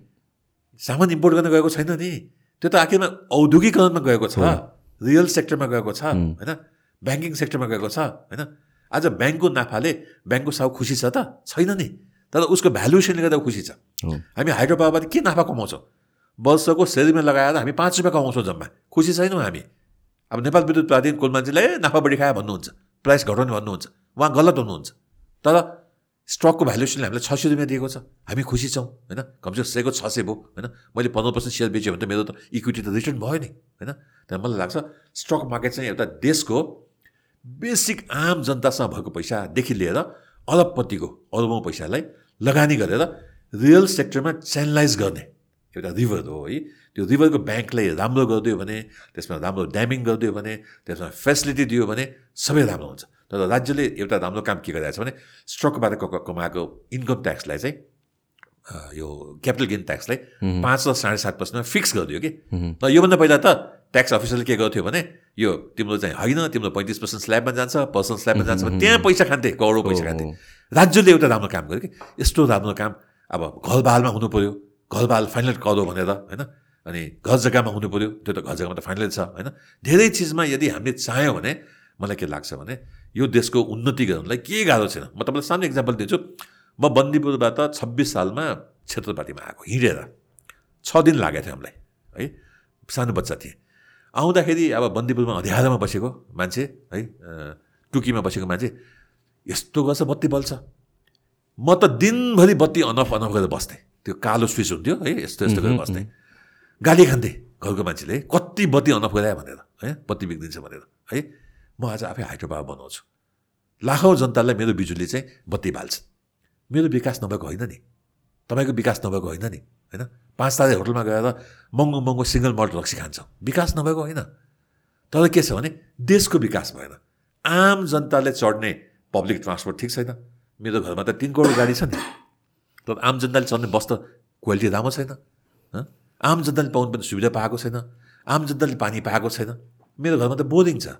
पुरा फिल्टर सिस्टम छ त्यसलाई म खुसी हुन मिल्दैन कि किनकि म जुन डुङ्गामा बसेको छु त्यो जङ डुङ्गामा आम जनता पनि बसेको छ म पनि बसेको छु होइन त्यो अवस्थामा त्यो डुङ्गा चाहिँ चल्नुपर्छ देशरूपी जग्गा चल्नुपर्छ त्यो यो देशको चलेको छैन त्यस कारण विकास नभएको भन्दा धेरै साथीले विरोध गर्छन् विकास भएको मेरो विकास भएको तपाईँको विकास भएको देशको विकास भएको छैन पूर्वाधारको विकास गर्नुहोस् त्यसलाई देशको विकास भनिन्छ पूर्वाधारको विकास गर्दै चाहिँ जस्तो सानो इक्जाम्पल दिन्छु पृथ्वी राजमार्ग आज पृथ्वी राजमार्ग नभएको भए हाम्रो के हालत हुन्थ्यो? त्यो पोखरादेखि काठमाडौँसम्मको त्यो गाउँहरू सहरहरू विकास हुन्थे डुब्रेको विकास हुन्थ्यो खैरेनीको विकास हुन्थ्यो गोर्खाको विकास हुन्थ्यो कहीँ विकास हुँदैन थियो नि। जब एउटा यति पृथ्वी राजमार्ग बनाउँदाखेरि कति बिस तिस पचास लाख जनस जन जनसङ्ख्याले चाहिँ आर्थिक उन्नति आर्थिक उन्नतिको माध्यम त्यसलाई बाटोलाई बनाए। भने पूर्वाधार विकास के चाहिने हो? राज्यले ठ्याक्कै चिन्नु पऱ्यो जस्तो वीरगञ्ज काठमाडौँ रेल भने मैले इन्डिया जाने पैसा बचाउनको लागि त्यस्तै अरू थुप्रै नेटवर्क छन्। त्यसपछि राज्यको प्रायोरिटी सेट हुनु पऱ्यो राज्यको विकास तपाईँले कुनै एउटा मन्त्रीलाई सोध्नुहोस् त राज्यको विकास कसरी हुन्छ? उहाँले जवाफ दिन सक्नुहुन्न। कुनै पनि पार्टीका दलले राज्यको विकास के हो भन्न सक्नुहुन्न। त्यस्तो अवस्थामा हाम्रो त बाटै बनेको रहेछ त। हाम्रो बाटो भनेको अहिले पानी र जलविद्युत हो होइन? रोजगारीको सृजना हो युवाहरूको लागि अन्टरप्रिनरसिप हो। तपाईँ जस्तोको लागि चाहिँ अझ बढी चाहिँ होइन? कन्ट्रिब्युटर इन्भल्भ गर्ने हो। त्यो गर्यो भने फेरि यो देशलाई दस वर्षमा परिवर्तन गर्न के पनि गाह्रो छैन। मैले भनिहालेँ हामीले तिस चालिस वर्षमा एक्सपोर्ट गरेको भोल्युमलाई एउटा जलस्रोत अरुण तिनको एक्सपोर्टले जित्छ भ्यालु एडिसनमा भने त्यस्ता चिज त थुप्रै छन् यो देशमा। यो मन्त्रीहरूको अराउन्डमा एडभाइजर्सहरू प्रपर हुँदैन? होइन। अब हामी जस्ता मान्छे कस्तो हुन्छ अलिक एरोगेन्ट हुन्छौँ कि? हामी भाउ खान्छौँ कि अलि भाउ खान्छौँ। मन्त्रीजीले आउनुहोस् पोजिसन हामी लिँदैनौँ मलाई त अब केही प्रधानमन्त्रीले एडभाइजरको पोजिसन पनि दिएको थियो तर म पार्टीको सदस्य बन्नु पर्थ्यो मैले भने म पार्टीको सदस्य बन्न सक्दिनँ। बरु एडभाइजर पोस्टै चाहिएन होइन? अब प्रत्येक प्रधानमन्त्री कहाँ पुगिन्छ होइन? जस्तो देउपाजी जानु अगाडि भेटियो ओलीजीको क्याबिनेटमा धेरै बसियो प्रधान प्रसन्नजीकोमा एडभाइजर बसियो बाबुलाजीको एडभाइजर बसियो होइन? के छ भने राज्यले थिङ्क ट्याङ्क बनाएकै छैन। राज्यले आफ्ना कार्यकर्तालाई है डक्टर झुन्ड्याएको आधारमा लगेर प्लानिङ कमिसनमा हाल्छ आफ्नो वरिपरि एडभाइजर भनेर बनाउँछ र उसको स्वार्थको कुरा गर्दा मात्रै ऊ रमाउँछ अनि देशको विकास हुँदैन। किन राजनीतिज्ञहरूले त राजनीतिमा यति धेरै निपुणता हासिल गरेका छन्। अमेरिकाको राष्ट्रपतिलाई हाम्रो यहाँको प्रधानमन्त्रीले कसरी राज्य चलाउने सिकाउन सक्छ? दुई तिहाईको सरकारलाई ध्वस्त गरेर होइन? गठबन्धन सरकार आउने भनेर कहीँ कुनै देशमा हुनसक्छ? तर नेपालमा त सम्भव रहेछ नि त। कति राजनीति सफल रहेछ? हामी घर घरमा राजनीति गरेका छौँ। मैले राख्ने दलको भोट मैले काट्नै सक्दिनँ हात काम छ। एउटा युवा उठेको छ उसलाई त भोट दिउँ यसले के गर्छ भन्ने चाहना हुँदाहुँदै पनि होइन होइन। मैले त यसमै भोट हाल्नुपर्छ। म त डेमोक्रेट हुँ म त कम्युनिस्ट हुँ म त माओवादी हुँ। हामी हाल्छौँ। यति विभाजन गरिदिएका छौँ। राजनीति नगरिकन विकासै नगरिकन देशलाई भद्रगोल गरेर राजनीति गर्न सकिन्छ। त्यति सफल भयो राजनीति। त उहाँले के बुझ्नु पऱ्यो भने मेरो खुट्टाको कुर्सी मेरो कुर्सीको खुट्टा पनि चार पाँच वर्षमा काटिन्छ मैले विकास गरिनँ भने मोदीले त आफ्नो कुर्सी बलियो बनायो। त्यो कपी गर्न उहाँले जान्नु भएन। यदि विकासको कुरा ल्याउनु भयो भने सानो सानो कुरा लोड सेडिङ अन्त भनेको ठुलो कुरा हो र। प्रधानजी होइन? लोड सेडिङ अन्त भनेको त अधिकार हो होइन? होइन? घरमा पानी आउने मिलम्चीको भनेको त अधिकार हो होइन? गाउँको गाउँमा बत्ती पुग्ने स्वास्थ्य शिक्षा भने त अधिकार हो। यति मात्रै पुऱ्याइदियो भने जनतालाई पुग्छ। जनताले कुनै ठुलो सुनको हात्ती खोजेको छैन। तर यति गर्न पनि हाम्रो नेताहरू लालायत छैनन्। मुखले ठुलो ठुलो भाषण गर्छन् तर कहिले पनि देश विकासको एजेन्डा फिक्स भएको छैन। है? कहाँबाट देश विकास हुन्छ तपाईँले कहिले परिकल्पना गर्नुभएको छ? जलविद्युतले यत्रो कन्ट्रिब्युसन गरेको छ है जलविद्युत चाहिँ नम्बर वानमा आउनुपर्छ भनेर कुनै नेताले बोलेको देख्नु भएको छ। अहिले पनि कृषि प्रधान देश भन्छ। चालिस अरबको चामल इम्पोर्ट गर्दा मलाई त लाल लाग्छ। कृषि प्रधान रहेन। अब जलस्रोत प्रदान गर्नुपर्छ। जसरी इथोपियाले तपाईँको चार वर्ष कृषिमा उन्नति गर्यो सरप्लस भयो। बङ्गलादेशले नाइन्टिन सेभेन्टी टूमा तपाईँको सबैभन्दा भुकमरीको देश है? उसले के गर्यो? कृषिलाई एकदम प्रोत्साहित गर्यो। त्यति सानो देशमा त्यत्रो दस पन्ध्र करोडको जनसङ्ख्याले खान पुग्ने आज कृषि गर्छ। त्यसपछि उसले मेरिनमा गयो होइन? सी फुडहरूको गयो सफल भयो। गार्मेन्टमा गयो सफल भयो। औषधिमा गयो सफल भयो। इन्फ्रास्ट्रक्चरमा अहिले यति धेरै इन्फ्रास्ट्रक्चर बनिरहेछ है? अरबौँ डलरको लगानी भइरहेछ। श्रीलङ्का त अब चाइना पछिको साउथ एसियाको tiger. Tiger Bangladesh? Sorry Bangladesh. Bangladesh. बन्दैछ है? तर हामी श्रीलङ्का पाकिस्तान उही मोडमा छौँ। आएको इन्फ्रास्ट्रक्चरको फन्ड पनि हामी गलत ठाउँमा लाउँछौँ होइन? त्यसले आम जनताले फाइदा पाइरहेको छैन। तर मलाई के लाग्छ भने अब राज्यले चाहिँ टर्न आउट नगरिकन होइन अलिकति एरोगेन्ट एक्सपर्टहरूलाई चाहिँ राज्यसँग राज्यको यो भर्टिकल सिस्टममा चाहिँ लेटरल इन्ट्री नदिकन हुँदैन हुँदैन। अब भारतमा कस्तो छ तपाईँको प्रधानमन्त्री मोदी अमेरिका जानु अगाडि अमेरिकामा चाहिँ कुन इन्जिनले के के सफल गरेका छन् सबै कुरो एनालाइसिस हुन्छ। र मेरो साथी हुनुहुन्थ्यो हबर्डमा पढाउनुहुन्थ्यो है हामीसँगै पढेको। उहाँलाई मोदीले तानेर अहिले इलेक्सन क्याम्पेन मास्टर बनाएको छ ऊ चाहिँ एकदम क्याम्पेन जान्ने मान्छे कि है? मास्टर बनाएको छ अहिले हेर्नुहोस् त। त्यहाँ उसले पच्चिस तिस लाख पचास लाख कमाउँथ्यो महिनाको। बिचराले अहिले पाँच लाख आइसी पाउँछ। खुसी छ हो पाँच लाख पाएर पनि इज्जत पाएको छ? तर नेपालको एक्सपर्टहरूले इज्जत पाउँदैन। तपाईँ गएर यस्तो जिउ गर्नुभयो भने सबै पाउनुभयो। खल्ती पनि भरियो है? तपाईँले गएर अलिकता कुरा गर्नुहोस् त। जस्तो मैले चिनको रेल मधे पनि आउन सक्दैन भनेको थिएँ। चिनको रेल टेक्निकल्ली तपाईँको काठमाडौँ आउन सक्दै सक्दैन। टेक्निकल्ली है? मैले भनेको होइन। चिनिया रेलवे एक्सपर्टले मलाई सुनाएको त्यो म देश के गरिरहेछ? रेल लाने भन्छ यो सम्भवै छैन। Number one number two financially फिजिबलै छैन। नम्बर थ्री तिबेट खोल्ने चाइनाको पोलिसी नै छैन। नम्बर फोर इन्डियाले चाइनाको रेल यहाँ जोडेको हेर्न चाहँदैन। यति धेरै कारण हुँदा हुँदा हामीले के भन्यो त? चिनको रेलले चिनको रेलले भन्यौँ अब सिजिङमिङ आयो रेलै माग्यौँ उसले त दिएन उसलाई थाहा छ उसले दिन्छु भने पनि दिन सक्दैन उसले। अब स्टडीमा अहिले हामीले झुलाएर आएको अवस्था छ। रेल त चाहिएको के हो त? बिरगन्ज काठमाडौँ हो रेल चाहिएको त। सायद विराटनगर धरान होला होइन? यो भर्टिकल रेल हामीलाई चाहिएको छ होइन? त्यो त्यस्तो चिजमा के भएर गयो त? अब चौन्न अरब पैसा दिएले गयो। चिनिया पनि कति झुटो छ हेर्नुहोस् त। उसले त रेमेम्बी यति दिएँ भन्नु पर्थ्यो नि चौन्न अरब नेपाली उसले नेपाली पैसा ल्याएर दिने हो त। हामीले भन्न सक्नु पर्दैन तिमीले चाहिँ रेमेम्बीमा भन कति भनेर त्यसको डिभालुसनको फाइदा त हामीलाई आउँथ्यो नि। चौन्न अरब हामी चाहिँ अग्रिमेन्ट साइन गऱ्यौँ। चौन्न अरबले के भन्न सक्थ्यो? यहाँदेखि बयासी किलोमिटर लामो चिनसम्म जाने केरुङसम्म जाने राजमार्ग वाइड हुन सक्थ्यो। दुईवटा सुरुङ बन्न सक्थ्यो टोखामा र बेसीमा अहिले तपाईँको दुईवटा सुरुङमा त्यो पैसा राखेर चिनिया कम्पनीले उही अरू डोनर जस्तै सबै पैसा फिर्ता लाने भयो चिनमा। रिङ रोड तपाईँको झन्डै छ अर्बको प्रोजेक्ट थियो।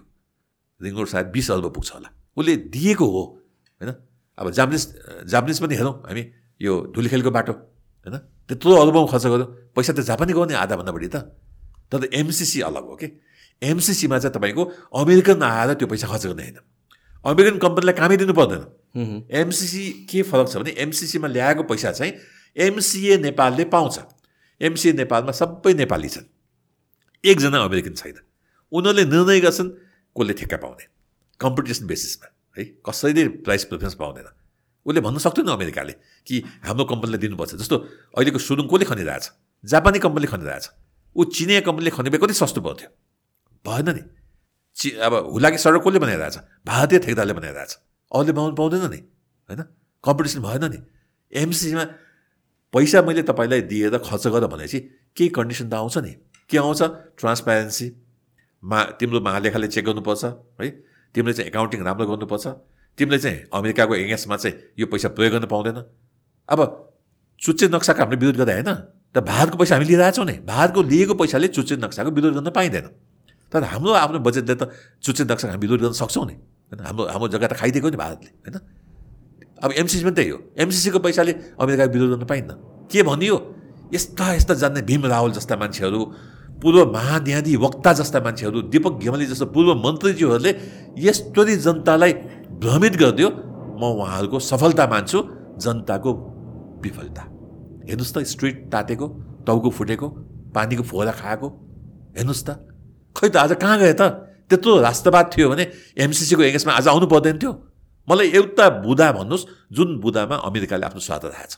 अमेरिकाले यो पैसा सदुपयोग होस् भनेर स्वार्थ राखेको छ। जुन हाम्रो हितमा छ है? यहाँ त के भन्यो? चाइनाबाट आउने रेलमा चाहिँ ट्रान्समिस लाइन बन्छ अरे। अब अब हामी बसेर नेपाल विद्युत प्राधिकरण बसेर ट्रान्समिस लाइन कहाँबाट लाँदा रुख कम काटिन्छ? कहाँबाट लाँदा तपाईँको जलविद्युतका ठुला ठुला योजनाहरू गाँसिन सक्छन्? भनेर हामीले हामीले हामीले नेपाल विद्युत प्राधिकरणले बनाएको योजना हो त्यो त होइन? प्राइभेट सेक्टर पनि लाग त्यसमा सम्मिलित थियो। तर एमसिसीलाई यति विरोध गरियो हेर्नुहोस् त ल एमसिसी खराब भयो त आज पनि विरोध हुनु पर्दैन नि। त्यो बेला कालो भयो त अहिले सेतो कसरी भयो त? अहिले त सबै स्ट्रिट त सबै सुनसान छन्। एमसिसी त लागु भएको छ। अहिले भर्खर एमसिसीले एमसिएले सडक विभागलाई इक्विपमेन्ट दिएको छ। कस्तो इक्विपमेन्ट हामी कहाँ सडक सबै बिगा छौँ अब मुगलिङ नौ विशेष सडक बनाउने भने चाहिँ हामी सबै बिगा छौँ ए पाँच सात वर्ष लगाएर सडक बनाउँछौँ एकैचोटि। अहिले बहत्तर किलोमिटर सडक जुन पश्चिममा बनाउनु लाग्छ एमसिएले त्यो कस्तो हुन्छ भने बिगार्दै जाने बिस तिस मिटर बनाउँदै जाने। यानि कि त्यहाँ हिँड्ने गाडीलाई केही फरक पर्दैन। धुलो उठ्दैन। अहिले तपाईँ चिनियाले बनाएर सडक हेर्नुहोस् त हाम्रो बुटोलदेखि नारायणगढ के हाल्छ? हिँड्नै सकिन्न धुलोले। चार घन्टा पाँच घन्टा लाग्छ एक घन्टाको बाटो है? अब यसले नयाँ टेक्नोलोजी ल्याउँदैछ है? भारतको कनेक्टिभिटी के भनियो? भारतसँग सोध्नुपर्ने। भारतसँग सोध्नै पर्दैन। एमसिसीले लाइन लाने भनेको बुटोलसम्म हो। बुटोल पछिको लाइन त भारत त हाम्रो हो नि होइन? तर त्यो लाइन भएन भने उसले बुटोलसम्म किन लाने त? त्यो तिमी सिद्धेऊ अनि हाम्रो लाइन जोड भने हो नि। यसलाई यस्तो विकृति गरियो होइन? अब जमिन चाहिँ कसको हुन्छ अरे अमेरिकन सरकारको हुन्छ अरे मैले त लालपुर चाहिँ देखाइदिएँ। एमसिए भन्ने नेपाली संस्थाको नाउँमा चाहिँ जमिन किनेको छ। जनतालाई भेट्न गएको थिएँ हामी एमसिएको यो रातामाते भन्ने सब स्टेसनमा जग्गाको अधिकरणमा। कति खुसी थुप्रो नयाँ घर बनाएछन्। ओहो राम्रो मुआवजा पाइयो बाबु। है यस्तो प्रोजेक्ट आउनुपर्छ। है? आँखाबाट आँसु निकालेर एकजनाले आफ्नो घर भित्र मलाई चाहिँ अन्डा पकाएर खुवाइदियो त्यहाँ है? बाबु यो अन्डा जाऊ तिमीले त एमसिएको धेरै सपोर्ट गरिरहेछ यो देशलाई चाहिने चिज हो। यो नबुझ्ने मान्छेले चाहिँ यस्तै बदनाम गरिदिए है? न one one of the concerning prime मान्छेहरूको डिबेट चाहिँ केमा थियो भनेपछि एम एमसिसीको पोलिसी नेपालको संविधानभन्दा माथि हुन्छ भन्ने kind of some kind of thing थियो। हाम्रो संविधानलाई कसैले जित्नै सक्दैन कसैले जित्न सक्दैन। खालि के भने चेन्ज अफ ल चाहिँ उसले प्रोटेक्सन दिएको छ। जस्तो पाँच वर्षमा पचहत्तर अरब पैसा खर्च गर्न यो देशले सकाएको छ कहिले? हाम्रो बजेट हेर्नुहोस् त। आधा पनि खर्च हुँदैन। त्यति थोरै बजेट पनि। एउटा संस्थाले पचहत्तर अरब खर्च गर्न सक्छ त पाँच वर्षमा? यदि अटोमेसन भएन भने किन तपाईँको दिल्लीको मेट्रो बन्यो? किन दिल्लीको मेट्रोलाई यति अधिकार थियो कि मन्दिर आओस् कि मस्जिद आओस् कि रुख आओस्? त्यो हटाउने अधिकार उसलाई थियो। ऊ कहीँ जानु पर्दैन थियो। आज हामी जलविद्युत बनाउनु पऱ्यो भने बत्तिसवटा निकायमा गरेर अनि वनले आफ्नो अधिकार देखाउँछ गृहले आफ्नो अधिकार देखाउँछ आर्मीले आफ्नो अधिकार देखाउँछ स्थानीयले आफ्नो अधिकार देखाउँछ भूमिले आफ्नो अधिकार देखाउँछ। अनि त्यो अधिकारमा तामाकोसी के हुन्छ? छत्तिस अरबबाट असी अरबमा बन्छ। त्यही भएर अहिले हामीले बजेटमा हिजो अर्थमन्त्रीले के भन्यो भने राष्ट्रिय गौरवका योजना भनेको योजनाको एउटा अधिकार दिनुहोस्। प्रधानमन्त्री र आइबिएनको मुनि राखिदिनुहोस् र उसलाई अधिकार के दिनुहोस् भने त्यो योजना सफल गर्नुपर्छ र त्यसलाई चाहिने वन काट्नुपर्ने होस् कि जमिन लिनुपर्ने होस् कि स्थानीयको समस्या होस् कि एक्सक्लोसिभ जे होस् उसले निर्णय गर्न सक्ने एउटा मान्छेले डाकेर। वनको कर्मचारी आउनुहोस् तपाईँको यति वन काट्नु पऱ्यो यसले यति फाइदा छ। ठिक छ उसले जे पाए गर्न पाउँदैन डिक्टेटरसिप गर्न पाइँदैन तर यदि उसले चाहिँ तपाईँको यति धेरै ग्रिन इनर्जी निकाल्छ क्लिन इनर्जी निकाल्छ जसको तपाईँको एक पर्सेन्ट इक्वेलेन्ट बन्द काट्नुपर्छ भने सोच्नु पऱ्यो त। Ninety nine percent extra energy आयो नि होइन? त्यहाँ मलाई के लाग्छ भने यो देशको पूर्वाधार विकासको लागि चाहिँ अझ हामीले यस्ता योजना सो यसपछि हेर्नुहोस् त अस्सी अरबको अर्को पैसा आइसक्यो। त्यो पनि ग्रान्ट हो नि युसिआइडीको वर्ल्ड ब्याङ्कले तपाईँको कति सत्र अठार अरब दिइसक्यो फेरि। कति पैसा आइरहेको छ हेर्नुहोस् त। यो एउटा गएको भए देशको के हाल हुन्थ्यो? अमेरिका भने त गुन्डा राष्ट्र हो त्यही त मेन मेन कन्सर्निङ कुरा नै त्यही थियो कि प्रायः मान्छेहरूको चाहिँ जुन जुन इफ दुइटा ल होइन सुन्नुहोस् न तपाईँ भने तपाईँ क्यान्सल गर्नुहोस् न। तपाईँले तिस दिनको नोटिसमा जहिले क्यान्सल गर्न सक्नुहुन्छ। तपाईँलाई लाग्यो अमेरिकन सेना आउनु लाग्यो अहिलेसम्म एउटा सेना आयो त। होइन अफकोर्स त्यो त होइन त्यो त होइन। तर यो जुन ठोक्यो भने यसले ओभरटेक गर्छ भन्ने कुरा छ त्यसले गरेर। सुन्नुहोस् न ओभरटेक गरोस् हाम्रो त जम्मा पन्ध्र अर्ब पैसा लाग्ने हो।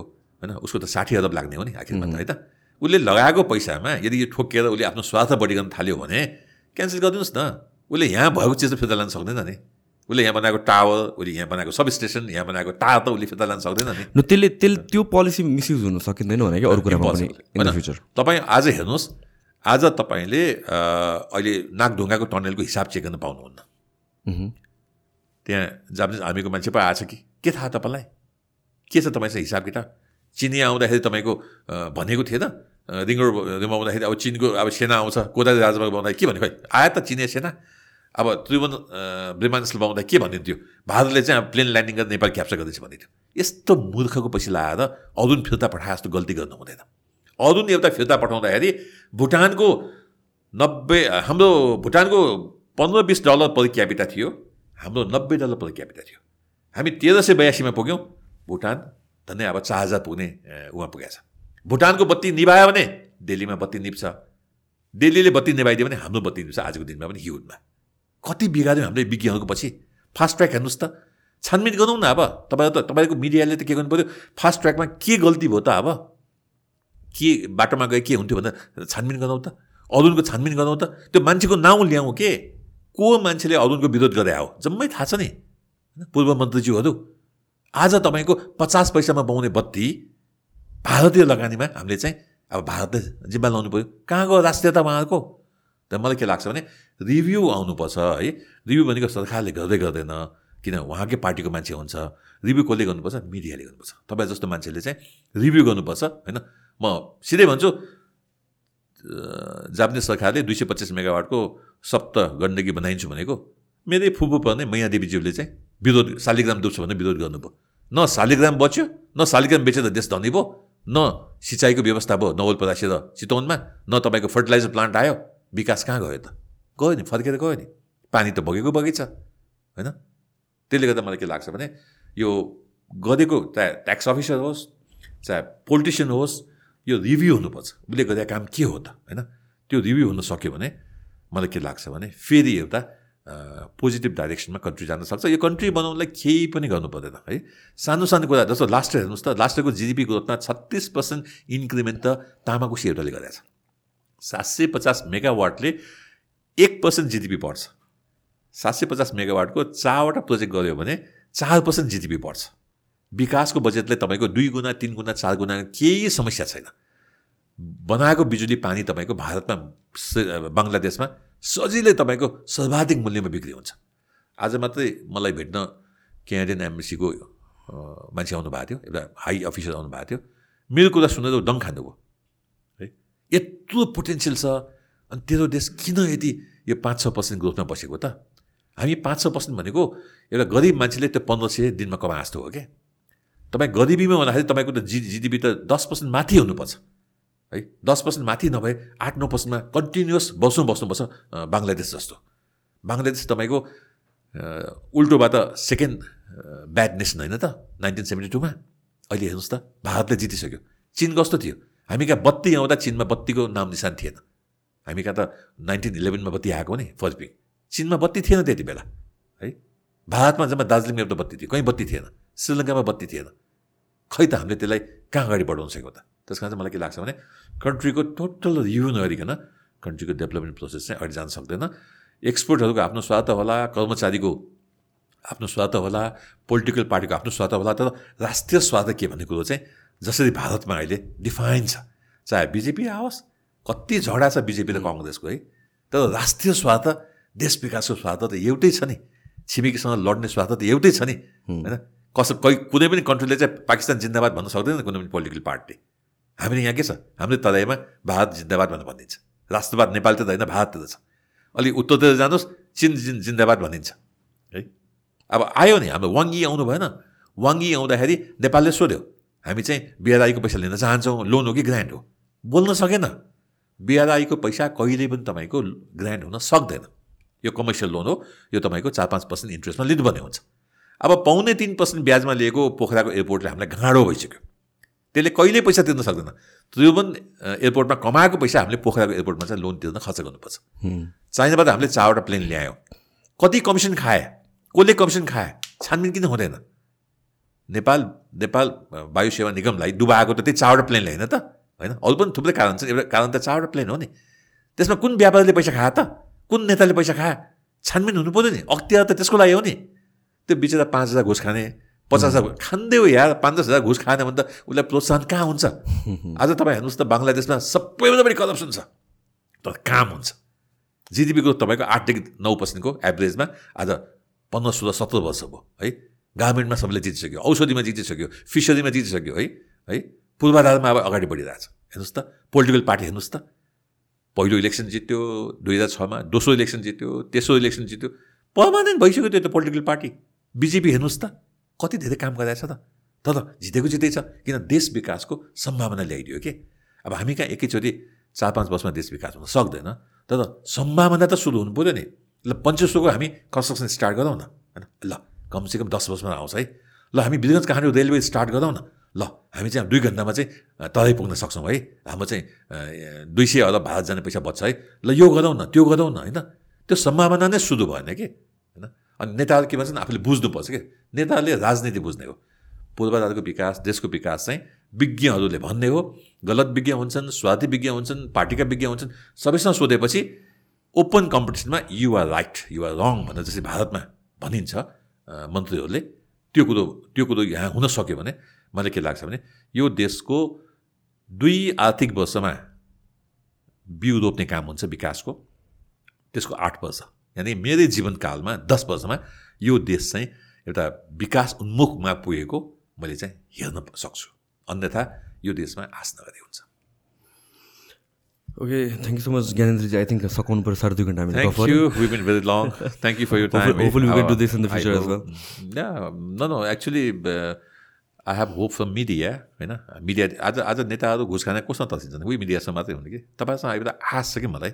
विज्ञसँग नै आश छैन। पोलिटिक्ससँग नै आश छैन यो लोकतन्त्र गणतन्त्रसँग आश छैन छिमेकीसँग नै मलाई आश छैन दुइटै छिमेकी उस्तै हामी देशलाई काम लाग्दैन न उत्तर काम लाग्छ न दक्षिण काम लाग्छ के छ भने कमसेकम मिडियाले अलिकता भयो भने कन्ट्रोल गरेको छ होइन केही मिडिया त अलिकता बिकाउ पनि छन् तर धेरै मिडिया अहिले तपाईँको मेन स्ट्रिम लाइनमा आएको छ तपाईँ जस्तो युवाहरूलाई यति पपुलर प्रोग्राम दिनुहुन्छ ती मान्छे त सजग हुने भयो नि होइन आजको भोटमा के गर्नुभयो त्यो एन के अरे विदेशमा बसेका कामदारले भोट दिने सिस्टम हुनु पर्थ्यो। किन नदिएको। किन त्यो पार्टी हार्छ भनेर हेर्नुहोस् त। आन्दोलन गर्नुपर्छ। मिडियाले नोट निकाल्नुपर्छ कि विदेशमा बस्ने नेपालले नै डिजिटल भोटिङ गर्न पाउनुपर्छ भनेर। उसको अधिकार होइन त्यो होइन? तर कार्यकर्ता विदेशमा छैन कार्यकर्ता त नेपालमा छन् नेपाली भोटले जित्न चाहन्छ। धन्यवाद thank you very much I think I hope it will open up some scenario for the development for this country I am very hopeful but things not going in the right direction. Okay, thanks so much. Thank you.